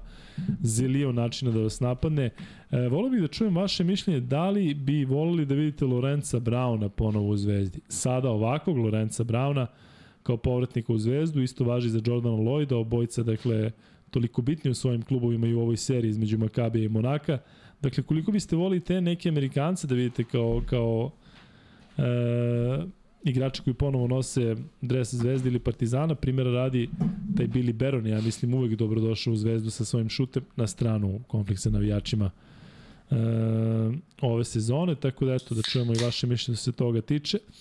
E, moram da vam odam jednu tajnu, e, pošto prelazimo na meč između Olimpijakosa i Fenerbahče na tu seriju koja je završena juče. E, dakle, morat ću i da drukne malo Kuzmu kada smo se konsultovali oko ovih top 5 parova za Zlatibor. Uvek je ideja da malo stavimo da bude interesantnije, da bude neki egal. A onda je Kuzmina konstatacija bila, kaže, ako stavimo Olimpijakos, Fenerbahče, svi će igrati za Olimpijakos zato što je to stvarno zice. I ispostavilo se da je zice. Uz dužno poštovanje Fenerbahča, meni nešto što sam primetio juče, što mi je obeležilo taj meč uz sve poene, uz Majka Brauna koji je došao kod Vezenko, uz atmosferu, ali sredina druge četvrtine, neki faul, ne sjećam se ni nad kim, i kamera prvo na Barcoka su pondani i tudi su obojca besne. Znači i ovaj, ovaj i tudi dobija, ali govorili smo o tome koliko su možda generalno antipatični zbog tih svojih reakcija i eto u tom duelu ipak Barcokas prošao dalje koji realno ima bolji tim. Jest, i bojili su, iskoristili su tu prednost domaćeg terena, podbacili su, ne mogu kažem podbacili su u toj jednoj utakmici, pošto četvrta je bila prilično ovaj, neizvesna, ali su treću preživeli, slučajno. I to je ono, vraćam sad na ovo Panterovo učutkivanje, Kenanovo učutkivanje, Gudura pokazuje da bodovi ostaju tu, ali sačekaš kraj i to je to. I kažem, uvek govorim, bio je jedan koji je to mogao da kaže i mislim da je ostao taj jedan i imali smo sreće da ga gledamo kao klinci. E, on kad kaže da je gotovo, onda je bilo gotovo. A ne sećam se da je ranije da je pre nego što je gotovo govorio da je gotovo i to pokazuje takođe jednu veličinu. I nećam se Bodiroge, na primjer, on mi uvek ostao fenomenalno smiren. Ne sećam se da je gestikulirao U bilo kom momentu svoje karijere. Jeste nakon pobede Srbije, Jugoslavije protiv samo, Grčke, samo tamo kada da, da, se da, zaleće, da, da, da, ali da, slavi sa svojim sa navijačima, da, da, da, da. ali uvek posle utakmice. Upravo ti kažem, Ništa nikad on bilo to, protiv, bilo je, igramo do kraja, pa kad počnemo slavim. E, Kuzma, bio si ovaj, na trenutak odsetan. E, Imao sam pitanje neko. Ne, nego bih ja pitao da li bi volio da vidiš Lorenza Brauna u Zvezdi? Ne, već sam razmišljao o Darku i javljam mu tu informaciju i beži ponovo iz zemlje.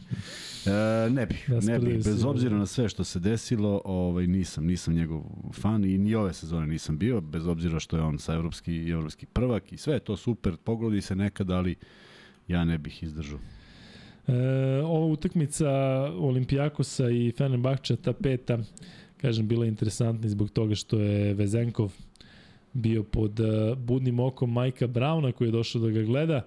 E, mislim da to ima veze zato što im je pun pogodak bio Sabonis, pa sad još jedan tako levoruk igrač interesantan. Mislim da će otići u NBA ligu. E, Paspalj kada je bio ovde i kada je pričao sa nama o tome kakav je bio njegov njegovo iskustvo u NBA ligi, govorio da mu se Vezenko baš sviđa da je to taj tip igrača. Jel misliš da Vezenko ima šansu u NBA ligi ovakav kakav je? Zaista je dominantan MVP ove sezone u Euroligi a specifičan igrač, jednostavno nekarakterističan posebno za američki uslov. ja još uvijek ne znam parametre za prolazak ili ne prolazak. Vidio sam neke fantastično brze igrače koji nisu uspeli da prođu, vidio sam neke koji, kako se zove onaj, Okun, Okur, kako se zove? Mehmet Okur. Pa da, to je bilo genijalno, čovjek nije trčao. Ali, Ali, je šutirao. ali ozbiljno, ozbiljan trag ostavio je. Upravo to. Čovjek E sad, petorci i Tako bio je. te I sad, bitan. ni tada nisam znao koje su, koji su Da, parametri, da, da. sad ne znam, da li njega Ima to da sporira. onog neko prođe, neko ne Ima, prođe. ima, ima, ima u koju ekipu upadne pogled, znači za Jokića možeš kažeš šta god hoćeš, Jeste. samo ne da je brz, ali ima verovatno najbržu reakciju u glavi, verovatno vidi pre svih, ali nema tu brzinu. Neki sličan njemu, koji nema taj, tu inteligenciju košarkašku, može se slika sa, sa, sa nezgrapnošću, ali tako da mnogo će zavisiti u koju ekipu ode, kako se snađe, šta mu je uloga u ekipi. U Sakramentu uvek vole strance. U Sakramentu su očigledno sačuvali to za njega. Čeka kaže Mike Brown da se kupili prava za njega da su super uzbuđeni zato što će verovatno da se radi na tome da dođe. Naravno, treba prvo da pričaju sa njim. Da. Meni će biti interesantno da, da gledam zato što, kažem, volim, volim strance u, u NBA ligi, posebno iz regiona, ali Kuzma, još jedno pitanje što se tiče e, što se tiče Olimpijakusa, jesu ti oni sada iz ovog ugla možda glavni favorit za titul? Pošto igraju Pa- sa Monakom, pošto će imati navijače, Pa i to sam pisao, mislio i prošle godine. da. Pa nešto nije išlo kako treba. Mislio sam zaista, ali da, ovome što su pokazali u ovoj godini i u tim duelima i uopšte u nekoj snazi koju imaju, pojačani ovim igračima koji zaista donose razliku, deluje mi da imaju jedno veliko samopouzdanje da, da hoće dalje. Finale ne znamo šta će biti, ali ako su mogli da biraju nekoga ko, protiv koga mogu za nijansu lakše da igraju, to je sigurno Monako, iako, kažem, kad neko dođe rasterećen na taj Final Four, pa seti samo Makabi 2014, ali tako? Kad su ušli Paradise, kao četvrti, da. potpuno onako, ne da nisu bili, niko ih nije spominjao, i papara pap, i ćao. Tako da ovaj, tu, tu postoji bojazan, ali ovaj derbi španski, uh, ja mislim da jedan od trenera ne ostaje posle tog derbija. Da, da će sezonu. Matea da, da slone posle ovakvog prolaska protiv Mislim da Partizana. da. Mislim da da. Mislim da tu mnogo zavisi od ACB ligi šta će tamo da se desi u nastavku. Znaš, tako da taj koji Mislim izgubi da- da, polufinala, izgubi u finalu, verovatno Mislim da finalu. već znaju. Znaju, a? Mm. E, dobro. Kaže Roki Nikolić, vređate malo Kuzma, moram da ti pročitam, kaže svaka čast Kuzma, tvoje razmišljanje je hrana, lepo te slušati. Ima takih lepih poruka i često Roki je prođu. i majstor. ne stidim. E, Sam ja pričao kak je Roki majstor. sad, ne, Hvala sad, na ovome. Sada sektor samo, samo za Rokija. Samo za Roki. E, ljudi, što se tiče Olimpijakusa i Fenerbahče, zaista još jedna interesantna serija. Nama, naravno, sa ovih prostora nije bilo u prvom planu zato što znamo koliko smo pratili Partizan i Real i šta se sve tu dešavalo. Pet utakmice u seriji Monaka i Makabija, dakle zaista Euroliga ove sezone, mislim i na četvrt finale pokazalo koliko, koliko može da bude interesantno. Barca dobila Žalgiris 3-0, tu jedino nije bilo drame. Ali, e, rekao bih Kuzma da je ova zaista sezona Euroligi na stranu Partizan i Zvezda vrlo zanimljiva, vrlo izjednačena, vrlo neizvesna i za mene, rekao bih, e, pa Posebna, onako posebna. posebna, Baš da. to. Posebna zato što smo mogli da uživamo u košarci naših klubova. Ovaj, mislim da su jedni i drugi Partizan za nijansu više i ovim plasmanom potvrdio taj neki, neki, neki kvalitet i zaista mi je drago što je tako. Zvezda za korak iza sa opet nekim rekordom u Euroligi koji je Zvezda uspela da dostigne, ali ruku na srce da nije bilo onih 1-6 ili 2-6, teško da bi, 1:6. mislim da bi Zvezda ipak imala drugačiji skor, koliko bolji ne znam, ali prosto dešava se kad napraviš neku grešku u koracima da, da se tako vrati. Uh, jedva čekam vesti za sledeću sezonu, 99% je to sve potvrđeno, ali želim da bude potvrđeno, da se priča o tome da i Zvezda i Partizan igraju Euroligu i sledeće godine. Ne bih mogao da zamislim ko bi sad to ušao, pa kao da pojača taj kvalitet, mada i ruku na srce ne interesuje ih uvek sam kvalitet koliko neke druge stvari. Voleo bi da Euroliga malo bude ovaj, transparentnija, da neke stvari znamo na vreme, da neke stvari reše, da neke probleme reše. E, to je najjače takmičenje, svi žele da učestvuju u njemu, shvataju da je smisao i, i, i promocija košarke i zarada od svega toga u toj ligi.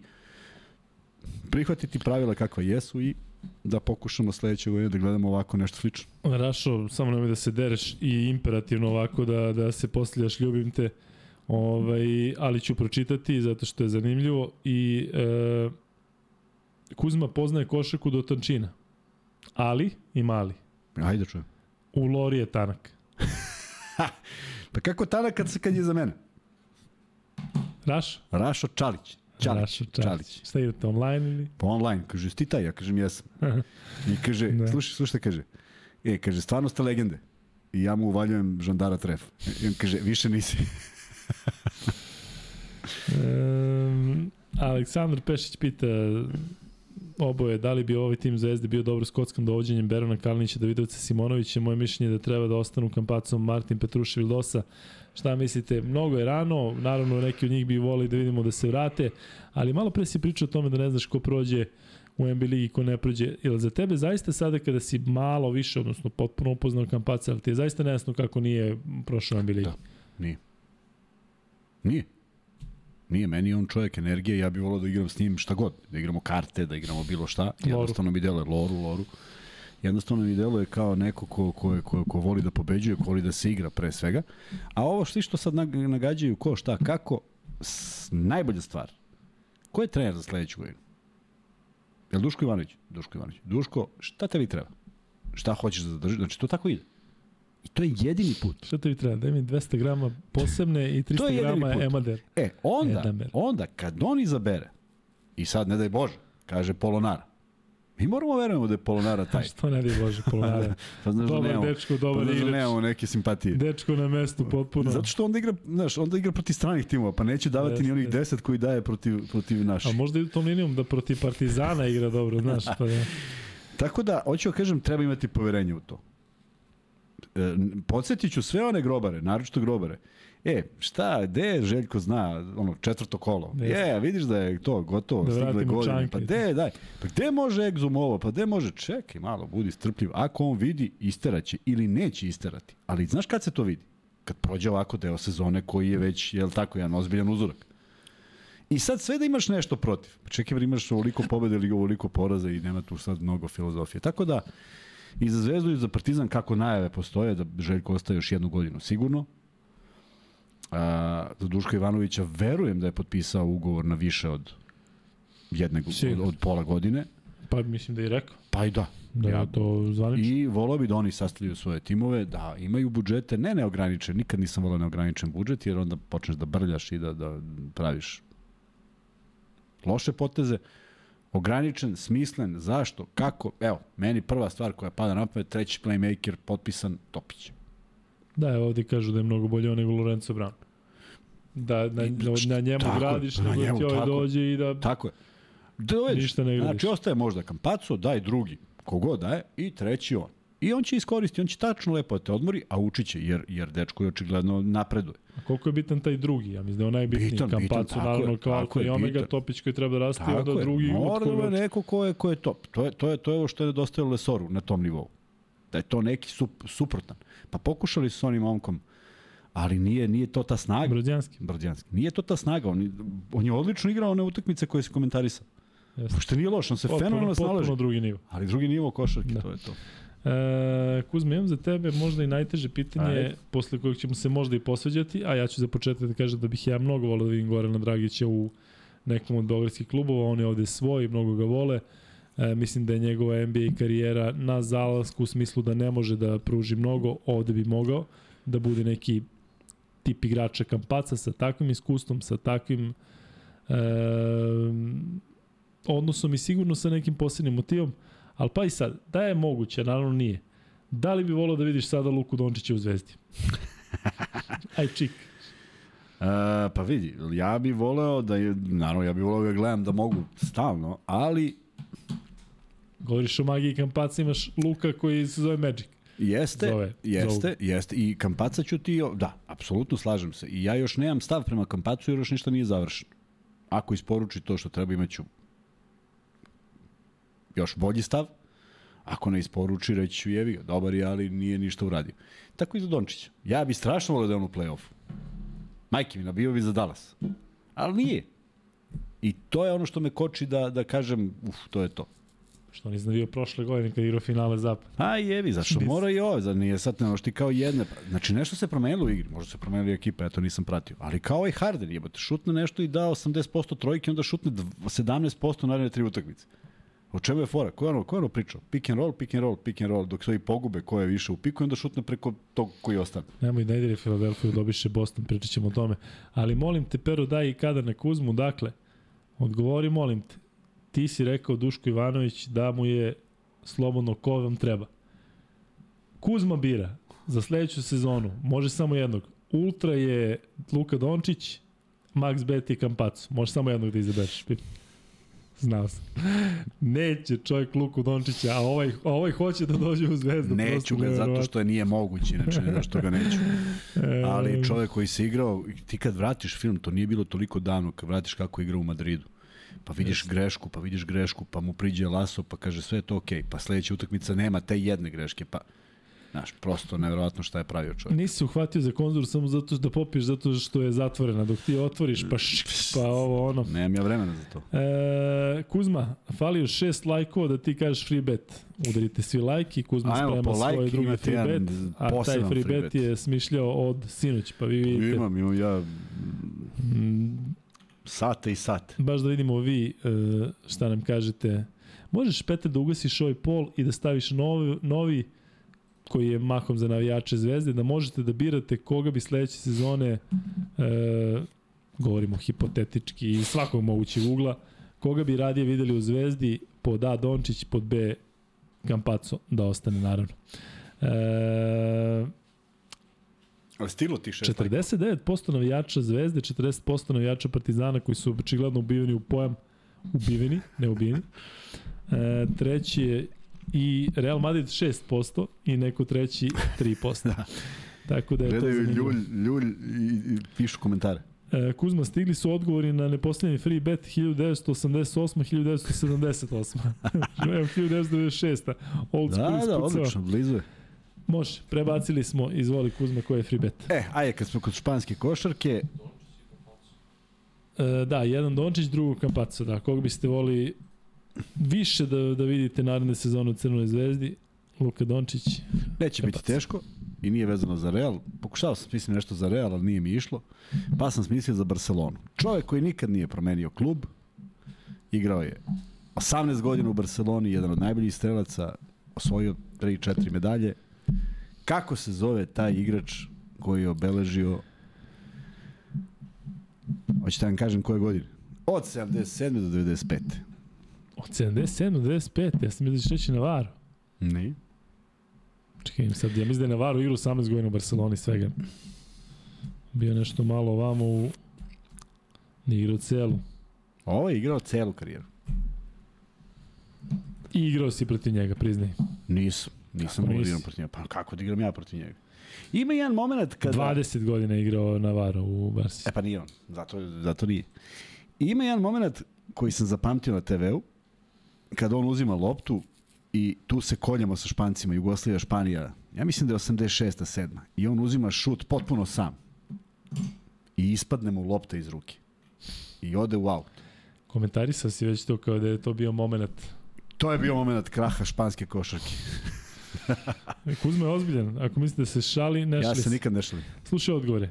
Kalinić. Dobro, blizu. Navaro, Navaro, Navaro, Navaro, Navaro, Navaro, Navaro, Navaro, Navaro, Abrines, malo Morgan, Juan Carlos Navaro, Navadi, Duenjes, O, San Epifanio, Eto ga. Rašo? Rašo Čalić. Aha! Moj prijatelj sa I mora. kao niste... Uh, Kao nisam mu poslao u ovde. Rašo, pit, ja ću sada pitam, a ti napiši. Pa šta to znači? Ma ne, samo napiši. Rašo, Rašo, M pobeđuješ u Lori, M dobijaš max bet, svake čas, šalješ na Luke Kuzma, Nije pobedio Lori, izgubio. Možda protiv tebe, ali ne znaš da li protiv drugih. Ljudi, da pređemo mi na uh, NBA ligu. Kada već pričamo ovde o Dončiću, kada pričamo o svemu i svačemu. Dakle, drugari, uh, Kuzma, ajde ti prvo reci, ti si rekao da hoćeš pričati o NBA ligi, ne znam u čemu, od koje serije hoćeš da počnemo, ćemo od Denvera, naravno. Ali A, mogu ja samo šta je bilo juče? ajde, ajde, pa od toga ćemo i da počnemo. Ne na, na NBA, nego na šta je bilo juče u... Hoćeš da ostavimo to za kraj, a? Aj, kako hoćeš. E, u stvari, ajde sad. Da ima malo, NBA pa da. Ajde. E, dobro, sad slušajte svi, ovo je... E, juče, ono što sam nagovestio onaj dan, ali nisam smeo da, da, da objavim šta. Naime, uh, u dinamiku, u kojoj nam izašao u susret, uh, pojavili su se momci košarkaši u kolicima. Jedan klub je Singidunum Crvena zvezda, drugi je Soko, nažalost još nije Partizan, nadamo se da će biti Soko Partizan, ti prođi ispred slobodno. I, ovaj, I imali su svoju, svoj show, igrali su na jednom košu, došli su visoki predstavnici USAID-a, mm, gospođa Power, mislim da se zove Stefani, Ambasador Hill, što je manje važno za nas sve, a najvažnije da su bili Ana i Vlade Divac i da je Divac seo u kolica i malo se oprobao i to je bilo vrlo interesantno i lepo ispraćeno. I onda smo mogli malo da, da pričamo i o svačemu, svašta nečemu da pričamo i prosto shvatiš ovaj, kako neke stvari funkcionišu i koliko o nekim stvarima ne znamo ništa, a ovde ih čuješ iz prve ruke. I baš je bilo onako zadovoljstvo, pošto smo tamo proveli nekih 4 sata. E, momci su naravno bili oduševljeni, utakmica je bila u drugom planu, ali kad su igrali e, Power, Power i, i Divac bilo je onako spektakularno jer se sve oči bile uprte u njih, tako da je još jedna akcija kojom se skreće pažnja na osobe sa invaliditetom prošla prilično dobro. Danas ima mnogo izveštaja ovaj, u, u, novinama i ima nekih lepih slika i onako jedno lepo iskustvo. Naravno, vlada sam pitao odmah da dođe i ovde. A, rekao je da bi voleo da ima neke svoje razloge, ali ne odustajem tako da jednom prilikom kada ponovo bude bio u Beogradu možda ga i dovučemo. Zna za intervju sa Paspaljem i gledao ga je i uopšte dosta pratio toga šta radimo, tako da sam onako vrlo, iako je bilo dosta naporno, vrlo sam zadovoljan kako je to sve prošlo i mnogo mi je drago što su momci u kolicima opet bili u centru pažnje i spremaju se za turnir, final, nije Final Four, finalni turnir NLB lige 20. i 21. maja u Sloveniji. Mislim, ja verujem da je tada ovaj, Final Four, pa sumnjam da ću moći da idem, ali ja obožavam da odem na te manifestacije, prosto gledate neke majstore u jednom divnom sportu. Eto, to bi bilo to. To se desilo juče i to je onako okupiralo uh, moj dan. Zabeležio sam nekoliko snimaka koje ste imali prilike da vidite. I sad se Luka vratio, pošto je sipao novu čašu vode i možemo da nastavimo. Evo je čaša, evo ga Luka. I sad možemo da pucamo NBA. Do, do, do, do pet, do kada ćeš? Već je počeo NBA, počeo je meč između Nixa i Majamija 14-24, pratit ćemo i taj duel. To je kec. Ali, Kuzma, ja bih te vratio na ovo što si pričao uh, sada. Mm -hmm. Uh, dakle, znam da si pozvao ljude, ali zaista idite na naš Instagram da čujete šta je vama poručio Vlade Divac, vrlo lepe poruke, vrlo humane, vrlo zanimljive i hvala mu što se odazvao. Uh, Kuzma Žarko Radenković pita da li si zvao Vladu Divca u podcast. Jesam, da, jesam. Jesam. E, nema Žarka Radenkovića, to je moje pitanje. Žarko Radenković ne postoji. Tako da... A, pa još neko šta pita kada ako sluša je. Ali Žarko Već sam Radenković... mogu ga ja malo iz, izvređam, da, Da kažem. postoji Žarko, ti Žarko slušaš? Radenković? Kako nema, sad će da- ti se javi Žarko Radenković. Da li postoji Čuj, na ne nekom postoji. LinkedInu Žarko Radenković? E, Kuzma, reci ljudima šta smo danas e, saznali. Dakle, hoćeš da otkriješ malo e, epilog današnjeg e, sastanka. Danas smo imali sastanak koji je ovaj prošao naravno očekivano dobro. E, momci iz Ultre su se pojavili na sastanku u vezi organizacije one utakmice Mislim, da... organizovani sastanak, nisu oni samo pojavili. Ne, da, nisu naišli onako dok Da. smo mi sedeli nešto i čavrljali. I ispalo je jako fino zato što su nam se poklopile ideje i od toga o tome radimo na tome radimo već od sutra. E, ideja je da bude naravno na Adi. Planiramo možda prvi, možda drugi vikend juna, pratit ćemo vremensku prognozu. Ono što smo se svi dogovorili to je da ne zavisimo od nekog posebnog datuma u smislu ako, ako bude baš bila kiša tog vikenda pomerit ćemo, ali će svi znati unapred da ne planiraju tako nešto. Nadamo se nećemo morati. I onda šta sve prati taj događaj, tako da smo sve stavili na papir i od vikenda počinjemo da radimo na tome, nadamo se da ćemo uspeti i nadamo se da osim ljudi koji su kupili, a neki još nisu dobili dresove, samo se ne nervirajte, ti dresovi su kod mene. osim ljudi koji su... ćete ih uživo, pred utakmicu. Da, dođite i da ih uzmete. Uh, da dođete, da dođu i ostali koji god, kogod želi da dođe, zato što to neće biti rezervisano samo za uh, igranje košarke, želimo napravimo i različite uh, igre na, ne na sreću, nego košarkaški, mi mali koš, pa hoće da bude takmičenje u zakucavanju ali ono regularno za, za obične građane, ne za Sjaj. bivše košarkaše. Bilo je sve vremeno na Adi, na pa da. turniru su stavili tri koša E, jedan bukvalno s 10 10, jedan neki 2 70 e, to, i drugi pa vidimo kako izgleda, pa malo trojke šutiramo, pa da budemo tamo negde otprilike od 11 do 7, to, bi, to nam je plan. Ali da ceo dan e, ispunimo da ceo dan budemo i da naravno bude pokriveno i sa ostalim pratećim stvarima. Naravno ja bih pozvao košarkaše u kolicima da budu deo toga, pošto onda oni malo u pauzi mogu da odigraju nešto svoje, a verujte niste imali prilike to da gledate i da to bude jedno lepo druženje i da napravimo baš onako nešto interesantno i nesvakidašnje. I naravno pozvao bih sve goste koji su prošli kroz nas studio, naravno teško ih je sve dovući, ali ja bih volio da se bar neko pojavi, jer a, možda ih ne znate, možda ste gledali samo kod nas, možda ste prvi put čuli za, za neke a, ko, koji su kod nas došli, tako da bi bilo interesantno da se oni pojavi, ja se nadam da hoće i da će to stvarno zaživeti u narednih 20 dana. Ja bih pozvao ono što nam fali su cheerleadersice. Dakle, ako postoje devojke koje bi od 10 do 7 igrale bez, bez prestanka... Od 20 do 70, plaćamo ultri, u ultri plaćamo, da imaju energiju, tako da, devojke, javite se. To je trenutno jedino što nam fali, apsolutno sve ostalo imamo. E, ajde, pošto smo, kao što znate, inače darežljivi, momci iz Galesa vam dele, dele Zlatibor, imamo uvek tri free beta, Kuzma, jel se slažeš da ako dođemo do hiljaditog lajka da imamo još dva free beta? E, dakle, ne, ne baš. dakle, ljudi, ako dođemo do hiljaditog lajka, e, u narednih pola sata koliko planiramo da e, da, da radimo, ako dođemo do hiljaditog lajka imat ćemo dva free beta, Kuzma, ti imaš još jedan spreman ili ti je samo ovaj bio u, u, u sami Epifanija? Spremno. Eto, mogu bi jedan neko košarkaški, ja ću neki da izvučem košarkaški. Ako dođemo do 1000 lajka, dakle vi koji ste sa nama, vidim da vas ima u ovom trenutku 2250, dakle, apsolutno izvodljivo. E, za sada 64% kaže da bi volio Dončića pre Kampaca, 35% kaže da je Kampacu njihov izbor. E, Kuzma, da pređemo na NBA ligu, zaista koliko si ispratio ovu pobedu Denvera i ovih 3-2 protiv Pa pratio sam, Phoenixa? da. Pratio sam malo, znaš, stižu, stižu ovaj, mnogo, mnogo manje utakmica, pa onda stižu informacije sa tih utakmica, jesam ispratio. Ispratio sam onu prethodnu Jokićevu kada su izgubili, ispratio sam da se pomirio Onih sa... Onih 53 plus 11. 53 plus 11, da. Onda sam razmišljao, ako izgubiš utakmicu sa takvim brojem poena, a upišu ti toliko asistencija, a imao si sigurno još 11, koliko su onda ovi promašivali? Mari, Mari, Mari je, Mari je uh, uzrok, odnosno zbog njega su svi problemi na ovom svetu. Svakom čast zaista dobar je napadač, odigrao je jako dobro onu prvu utakmicu, ma odigrao je dobro i i uh, ovu petu, ali ljudi, da se ne lažemo, ajde da se ne lažemo, eto toliko. E, 3-2, Jokić igra zaista fantastično, nosi ekipu, postao je prvi odnosno prešao je Vilta Chamberlaina u broju da, triple double u uh, play-offu. Uh, da li ti deluje da se dobro zabavlja, da dobro nosi ekipu, potrebno je još jedna pobeda protiv Phoenixa, zatim ide u, uh, u finale. uh, gde će igrati protiv sigurno iskus, iskusnije ekipe, ali će, čini mi se, biti favorit i protiv Lakersa koji su bliži finalu ili protiv Golden State-a. Kuzma, je ovo neka putanja ka eventualnoj tituli Denvera u koju smo, evo ja kažem prvi, možda sumnjali? Pa ne znam šta više da me brine. E, da li činjenica da Lakersi vode, jer onda vode na nešto posebno.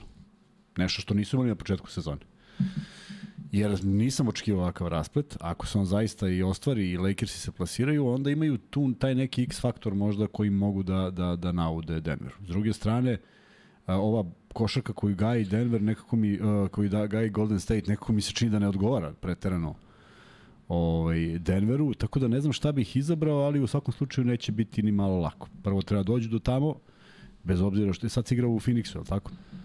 Šesta si igra u Phoenixu, da. Phoenixu, tako je. Tu treba očekivati neki odgovor zato što imaju i odlične igrače, imaju svoj ponos, imaju igrača koji želi da pravi razliku, da odgovori na ovo što se desilo sada u Denveru i ajde da vidimo kako će to proći. Sedma je već lutrija, sedma mora bude mnogo inspiri, inspirisanih igrača. Uh, nekako mi se čini da su Lakersi posle 3-1, ili tako?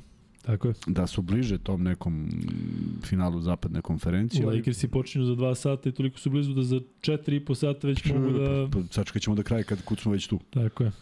Tako da ovaj, bit će interesantno, naravno, bez, bez neke dileme, ovaj, želim da Jokić ne ostvaruje te te triple double uzaludno, nego da zaista vodi svoju ekipu i da mu u tome pomognu saigrači, jer samo, sama, sama satisfakcija u NBA ligi je to. Ovo je sve lepo.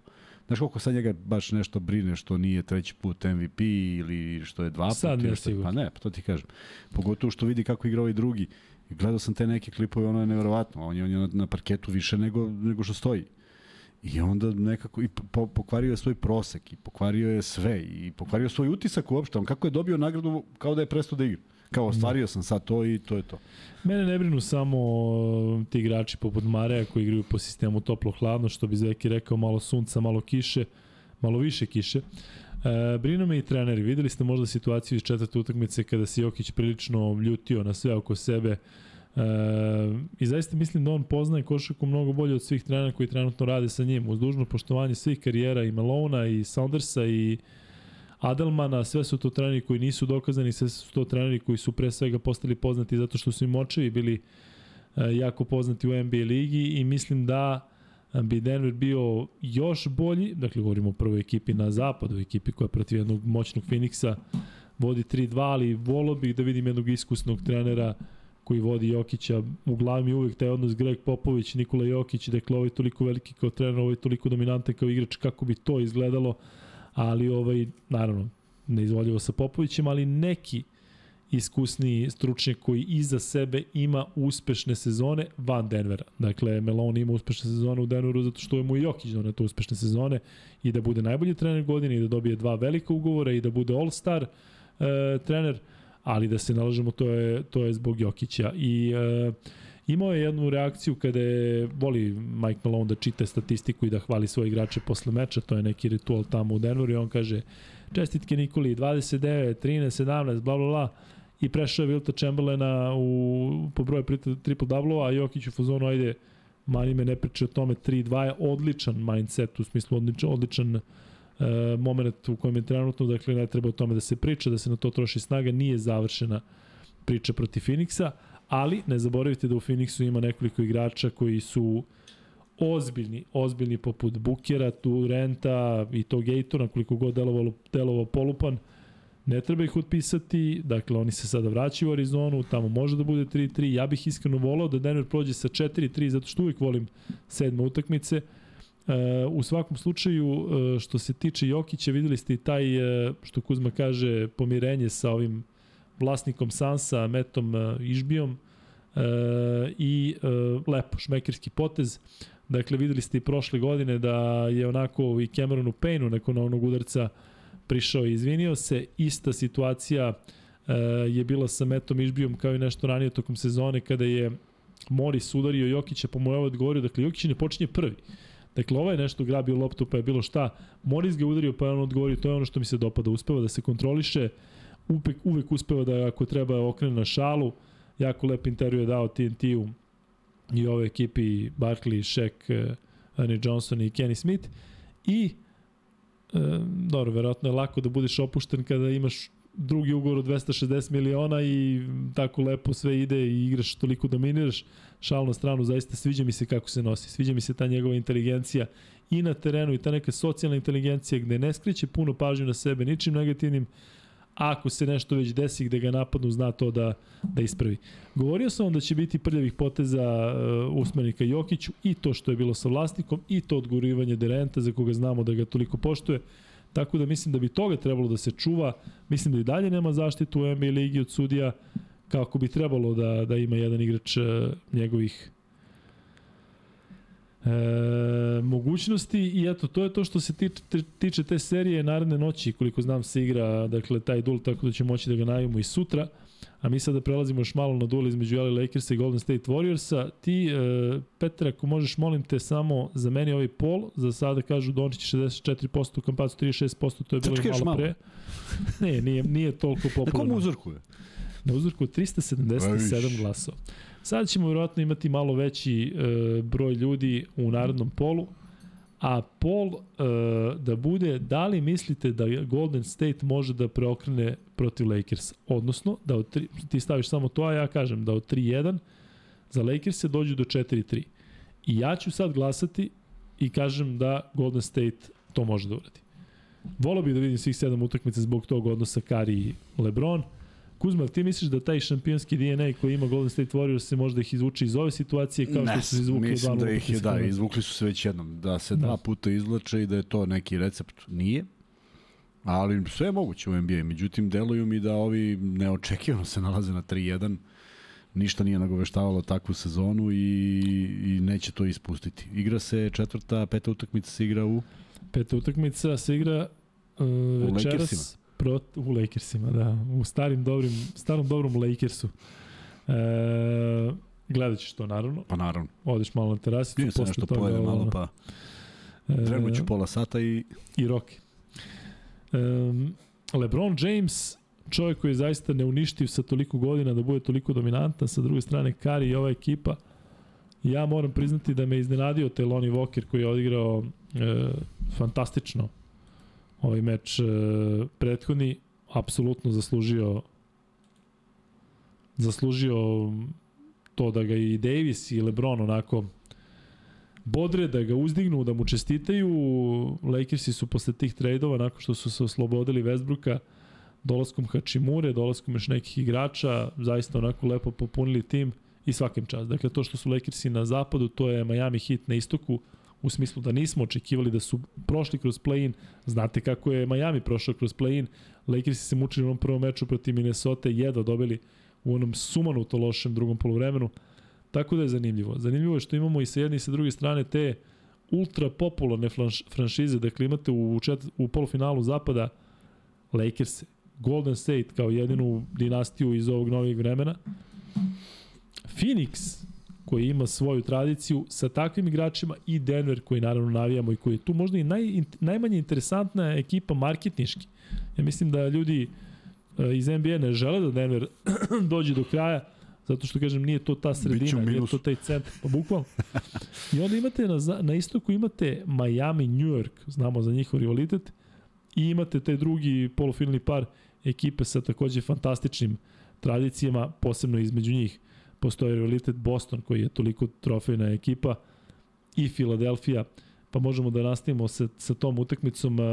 Kuzma, ne znam koliko si pratio, ali e, tu četvrtu utakmicu je Harden dobio trojkom, Boston je imao preokret na, na ovom, delovalo je da to ide ka 3-1, ipak 2-2, ali mislim da smo svi bili ubeđeni da će Boston dobiti petu, nije. I sada, eto, Filadelfija ima jednu prvu, a posle možda i drugu meč loptu. Meč Koliko loptu. tu ovaj, um, ima taj faktor trenera, zato što je Doc Rivers šampionski trener, vrlo iskusan i momak koji vodi Boston, Macula ima 34 godine.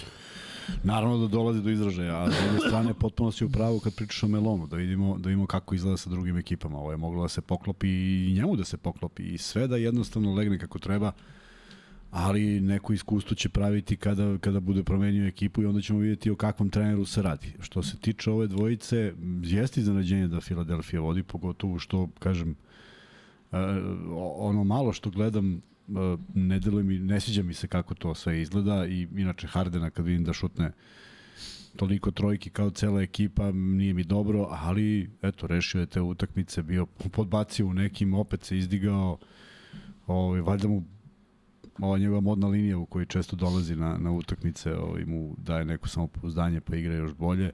U svakom slučaju jedna košarka koja nije neki moj ah. a, moj, da, nešto što mi prija. I mislio sam da će Boston to da oduva bez problema. Bez problema. Sa jednom ili dve pobede Filadelfije i to je to. Ovako smo sad na korak opet od nekog iznenađenja. Kao što, kao što nisam davao neke šanse Lakersima, tako nisam mislio ni da će Filadelfija praviti problem. A što sve druge utakmice tiče, zaista su mi podeljene onako osjećanja. Ovaj Butler igra fenomenalno, a, a potpuno se slažem s tobom da je, da je povratak New Yorka vrlo bitan za, za NBA i za uopšte za, za košarku kao takvu. Planetarno. Da, da, da, bukvalno pričaš o New Yorku, tako, pričaš o New Yorku, pričaš ko to gleda, pričaš ko dolazi. I kad vidiš ko je došao na te meče pa od da, bivših pa igrača da. i od poznatih pa ličnosti, da, dakle to je... Znaš, prođe ti sve kroz glavu tako, i od filmova do, tako. do utakmica koje si gledao, tako da velika tradicija, nažalost, misteriozno, bez trofeja. Dugo, dugo, dugo, dugo. Od Volta Fraser. Pa da, to su neverovatne stvari. Pritom, kad, kad se seđeš igrača na broji 6-7 Hall of Famera, koji su prošli kroz New York. Tako da, eto, ovaj, lepo Ko je se što tu tebi izdvoja iz te, iz te generacije 90-ih, osim Patrika Ewinga? Ko Pa znaš ko je bio fenomenalno bezobrazan? I moj drug iz klupe ga je obožavao i drndo me zbog Jordana. Mislim, zašto je John Starks bio neko koji ga nije respektovao 2%. I bio je vrlo interesantan. Jeste. Tu je John Starks, pratio ovu seriju. Pa eto, da, da, na, terena. da. Tako da je ovaj, on bio neko koji je onako stvarno Volili smo ga i ovde, rekao bih, u Srbiji, svi onako. Bio je, bio da, je drugačiji, e, odličan trojkaš, imao sjajne zakucavanje ono levom rukom kad se odrazio van reket, pa Jeste, ostaje upamćeno. jeste. Tako da ovaj, onako, Kroz jedan od četvoricu likova. igrača A Chicago. voli su ljudi taj, te Nixi kad viš Charles Oakley, pa onda pokojni Anthony Mason, pa taj Charles Smith, Hubert Davis, e, milion tih nekih likova, Anthony, zaboravit ću nekoga, ovaj, sigurno, bilo je Larry plejada, Johnson, da. zaboga, Larry ti si Johnson, mi pa da. poslao onu sliku Larry Johnsona i Stacey Desio Ogmana. Stacey Ogman i Larry Johnson Jeste, sa, da, da. sa univerziteta. Tako da, ovaj, generalno lepo je, ali e, dominira Miami, da se vratimo malo na Butlera, trenutno je u toj seriji 3-1, a u ovom trenutku, u tom petom Mark meču... Jackson. Mark Jackson Tako. iz New Yorka, kako ne. Da. E, Mark Jackson, ja moram priznati da kad god njega vidim, setim se njegovog brata protiv kojeg sam igrao, koji je umro u 35. godini 36. ako se ne varam u snu. Prosto neverovatno njegov uh, mlađi brat, popularni Escalade. Ove, I kažem, kad god njega vidim, prosto mi je ono suludo posebno nakon nakon ove, ove godine i svega i svačega što se dešavalo slično. E, Miami vodi 35-33, utakmica očigledno još jednom na izuzetno mali broj poena.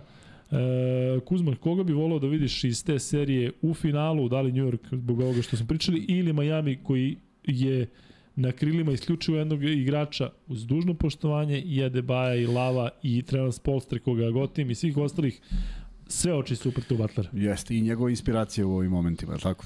Od toga zavisi... uživa u, to- u svemu što se tako je, dešava tako igre kako treba. Ali misliš da se štekovao? Baš pričaju o tome ne, kako... Ne, ono- ma jok, samo je došlo, nešto je eksplodiralo i to je to. Ali koliko je moguće u sezoni u kojoj igraš 100 utakmica da ti jednostavno igraš na istom nivou ili ipak čuvaš neki onaj Pa poslednji... možda, može, može svašta da bude, ne možemo da znamo, može svašta da bude, ali, ali činjenica da kad je krenulo da se otvara, to traje. Sad ova serija je fenomenalna i zašto imam različit stav? Zato što je to nadahnuće jednog igrača, iako pamtim Majabi iz onih godina e, sa Pat Rileyem, koja je bila fenomenalna ekipa. Ja ne mogu da verujem da onaj jadni Alonzo Mourning ima toliko postera da je on u stvari Jeste. taj koji ispod koša da kad neverovatno svaki put, a bio je neustrašiv, bio odličan A igrač. sećaš se onih postera koje smo kupovali, Shaquille, Hakim, ne, Alonzo... Ne, govorim ti na posterima da su ljudi zakucavali preko njega. To, to, to, Jer da, je on da, bio neko Jeste. ko, ko stvarno ovaj, trudio se da zaustavi. Jeste. Ima i, i Jordana i Pipena i svih ostalih. Ali ovaj, jedan od belih igrača koji vjerojatno ovaj, mnogi, mnogi ga ne pamte, Dan Majerle, tako, Majerle, kako li su ga zvali? Šta? Majerle, Dan Majerli. Majerle, Ti Majerle. vi Pa ne, kakav, pojma. kakav Mađerle. Pa otko znam. Si izvukao Mađerle. Pa ja, da, otko znam. On je, on je bio neko ko je, ko je onako bio, a kad pričamo o, o ugledavanju na bele igrače, prvo jedan šuter, stamen onako, neustrašiv. Tako Bio da, dobar defanzivac. Bio dobar defanzivac, I da. sećam se kada je bilo u onom dokumentarcu, kaže Jordan, um, generalni menadžer uh, Jerry Krause, koji je vodio Chicago, je voleo Danija Marley iz nekog razloga. I Jordan naravno ja da dočekao, kaže, ili ga voliš? E sad ćeš da vidiš kako, je, kako to izgleda kada igra protiv mene, ali kad govoriš o belim igračima, mislim da je uh, John Paxson uh, neko ko je toliko podcenjen U smislu, znaš, pamte svi tu generaciju, ne samo od Paxson, sad svi se sećaju one trojke protiv Barklija.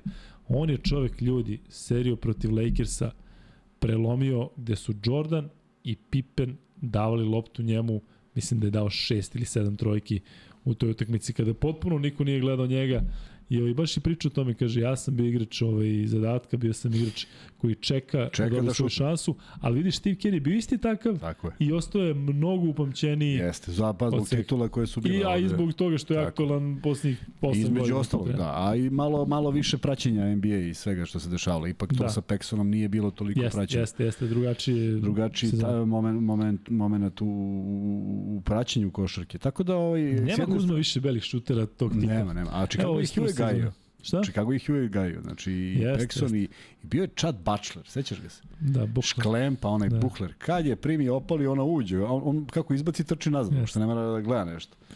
Tako da jeste bilo. Možda da nabrojiš možda još tri bele igrače iz Chicago na različitim pozicijama. Iz Čikaga? Mm. Na različitim pozicijama? Te generacije. Uh, Bilo koga tri. Hodges? Je li on bio tada? Hodges. Da, šuter. On je pobedio u trojkama nešto. Imaš Cartwrighta? Pa valjda Bill Carter bio crn, on je crnio tog tvog A ti si rekao bele? Bele, A bele. nisam, nisam te čuo. Ne, onda nije Hodges, Hodges isto crn. Nisam te čuo da si rekao bele. Beli igrači iz Chicago. Bele, računajući Wellington, Lennington, Mannington. Bill Wellington, Onda onaj uh, Australijanac, Luke Longley. Luke Longley. I treći centar, možeš se setiš ko je bio taj? Treći, Belac. Bill? Ne sjećaš se Vila Perdiva. Vila Perdua, sećam se. To se kažem Toni Kukuč, on je beo. Kuko, čisto, A, beo, da. jeste, što jes, jes. E, Kuzmo, još malo NBA ligi, dakle, mm, imamo tu sreću da imamo Jokića, da ga pratimo, da ima šansu da stigne do kraja. E, rekli smo, odnosno ti si rekao koliko ovaj, misliš kako su tvoje prognoze da bi mogao da osvoji ove sezone prsten. Ali ko ti je najveći favorit od ovih timova koji su ostali? Izuzmi Denver, Denver iz priče. Da izuzmem Denver. Da. Imamo Lakers iznenađenje, imamo Miami iznenađenje, imamo Boston koji može da se vrati, imamo Philadelphia. Golden State može da se vrati, Phoenix ne da Bože da preokrene protiv Denvera, nekako mi se Misliš čini... da šampiona NBA ligi? Da, nekako ja ne mogu da se, su, naravno subjektivno, Denver. Možda čak i objektivno Denver, ali i ovde mi se kao što se tiče Evrolige čini da je neizvesniji nego ikad. Ne znam šta ti kažem. Nisam, nisam toliko daleko išao, zato što su ovi neki na banani. Kao što je Boston za kojeg mislim da je favorit. Ali prosto nalaze se u poziciji da ako kažem Boston ispadnem potpuni moron. A Kako bi mislim da mi- objasnio taj žargonski termin na banani? Pa klizao, znaš. Što bi rekao, Direktno klizao, jednom da. nogom, da. Meni kad kažeš na banani, ja neko se setim uh, Vejda, Jamesa i Krisa Pola kako na onoj banani na, na moru. Ono se A ne, ne, ovo je, ovo je na kori od banana.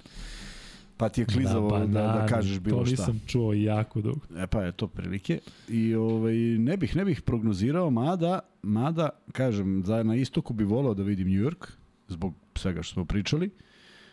Uh, I, mo, ajde da kažem, Denver, New York bi volao da gledam. Ne znam koliko je izvesno, ali bi Denver, volao New da gledam. Teško da će New York da preokrene da dobije tri protiv Miami, ali A zanimljivo. koliko je? 3-1 za Miami, Miami ima meč loptu sada. pa preokreće čoveče. Ćemo da imamo koji je rezultat. 37, 35. 42, 43. Za? Za New York, pa vidiš? ba, baš bitno. a? e, nismo stigli do 1000 free beta, Kuzma hoćeš 1000 free beta, 1000 lajka, Kuzma hoćeš ti da da kažeš taj treći ili hoćeš ja? Ne, ti, ti, ajde, da, da, da, da ne moramo da... Kaže Nemanja Brković, ja sam gotivio Mađala. Šta da vas pitam, da li hoćete NBA ili, ili e, neko šarkaški? Možeš umeđu vremenu pero da ugasiš ovaj e, ovaj pol. Da. Ljudi kažu da 40% kaže da može da preokrene. Svaka čast. Ja sam među tih 40%. Čak bih možda i volao. E, a treći free bet, treći free bet, to ćemo nešto oko Denvera, oko Jokića. Opa, imam za vas. Šta opet? 44, 42. Ne, mislio sam u vezi, u vezi ovog, s kojim se kači u vezi ovog guvernera. Ajde. U vezi guvernera. Pa ovo guverner, guverner Arizone koji je ujedno i vlasnik e, Sansa Dobro, i Phoenix njim? Makeri. Ko je još bio Dakle, guverner? Tom... A. Pa, mi- čini mi se da je guverner. Tom Išbija, koji je imao konflikt sa Jokićem, pa su šmekerski to sve rešili, je bio šampion NCAA lige sa Michigan Stateom 2000. godine. To znam zato što sam ja u tom periodu merkao ponude iz, sa koleđa. Nije bio bitan igrač u toj ekipi. U toj ekipi su bili uh, ozbiljni igrači. Bio je Mo Pitt, Mo Peterson, bio je Jason Richardson koji je najbolji iz te generacije, najbolji u NBA karijeru je imao. Martin Cleaves, ko se njega seća svakom u čast, mislim da je bio Jordan Bell. Ali, ajmo vam sad pitanje, ovo nema interneta nigde, ovo niko neće odgovoriti, nema free beta. U toj ekipi Michigan State Spartansa sa Tom Išbijom, koji nije bio ovo, bio je košarkaš koji je odmah nakon toga, nakon college karijere, došao u Ljubljansku olimpiju. Pa je posle još jednom igrao u Ljubljanskoj olimpiji. Vrlo interesantnog imena. Ko to odgovori? Ima, ima svaki dan free bet. Ja dolazim da mu uručim direktno free bet. 1000 dinara od max beta i večeras. zajedno. E, ljudi, ko to zna? Kuzma, ovo ne zna niko. Ovo ne zna, znaš, ovaj, ovaj sad da ga potičeš, pa da, bio sam, A gde sam bio ono... Pa da, on ne bi dobio free bet. Da, da. Ma da mogu, ja mislim, ljudi sada da, u, da uđu na internet i da kucaju ono, ono, pa i da dobiju.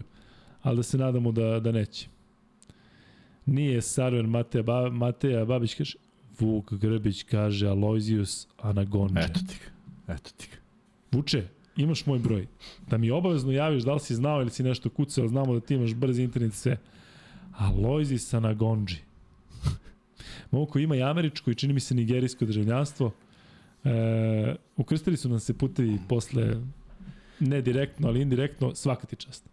Aloysius Anagonđe. Ko bi rekao da će njegovo ime da bude pomenjeno u podcastu sa Lukom Nije sanjao čovjek. Oduševio si me vuče i... I doći će nam u goste, čim ga mi. Pa, Čim ga ćemo- lociramo. Sutra, sutra, sutra imamo gost. E, Čim ga lociramo. Dakle, Aloysius je tačan odgovor. Vuče, pošalji poruku da li si mutio, odnosno da li si koristio internet. Ako znaš, Burazeru, svaka čast. I eto, priveli smo kraju još jedan podcast. E, Nećete dugo biti bez nas, zato što ćemo već pričati sutra. Za 18 E, sati. Peru e, smo danas predstavili prvi put, barem u ovom podcastu. Peru, kako si se ti nosio sa svim? Spera kaže super, a u sebi misli terajte se bre Šta ova mene. dvojica pričaju? Trebalo je da gledam seriju, ne, daj neku seriju, gledaš neku seriju trenutno na Netflixu, preporučujem. Kako? Trenutno ne. Kuzma, imaš da preporučiš neku film, seriju, knjigu? Ne. Nemaš. Gledajte Sopranose, ljudi. Sutra ću preporučiti, ali zato ću sutra preporučiti. Sopranosi su keva, dakle Sopranosi u krug vrtite i ne možete da, da, da omanete. I dobro, to je to. Kuzma, imaš još nešto za kraj da završamo ovo 170 i Znam prvo da su mnogi u šoku da pričam bilo šta o NBA ligi, ali Niste očekivali, eto. E, ne da je nasledio Miksu, odnosno da je zamenio Miksu, ko nego... mi se više ne vraća. Znamo, da, znamo taj Kuzmin, e, Kuzminu to da on uvek voli ka NBA, kada god se priča o Partizanu, on prebaci na Zvezdu. Kada god se priča o NBA ligi sada, on prebaci na, na Ewinga i na Olajuwona. Ali, videli ste da prati, videli ste da je u toku, videli ste da, ovaj, da je da ima svoje favorite i dobro, to je u suštini to. Dakle, ovaj podcast je tužan za mene zato što je Partizan ispao, ali sa druge strane opet kažem je i poseban zato što zaista niko nije očekivao da će od, od ovde doći. Ja mislim da će me tek u nekom trenutku stići to što je Partizan ispao posebno na ovakav način posle svega što se dešavalo u drugoj utakmici, ali eto, to je sport, to je nešto što donosi puno preokreta, a ja vas eto molim da vi kogod u mogućnosti, stvarno ću gledati ja da se pojavim ako je moguće, ne znam kako je moguće, ajde, e, da se e, za jedno sat i po vremena nađete na aerodromu i pozdravite navijače, da pozdravite igrače Partizana koji su se zaista herojski borili, ali na kraju ipak nisu stigli do Final Four. Mi radimo sutra u 9, vidimo se i pričamo i tada.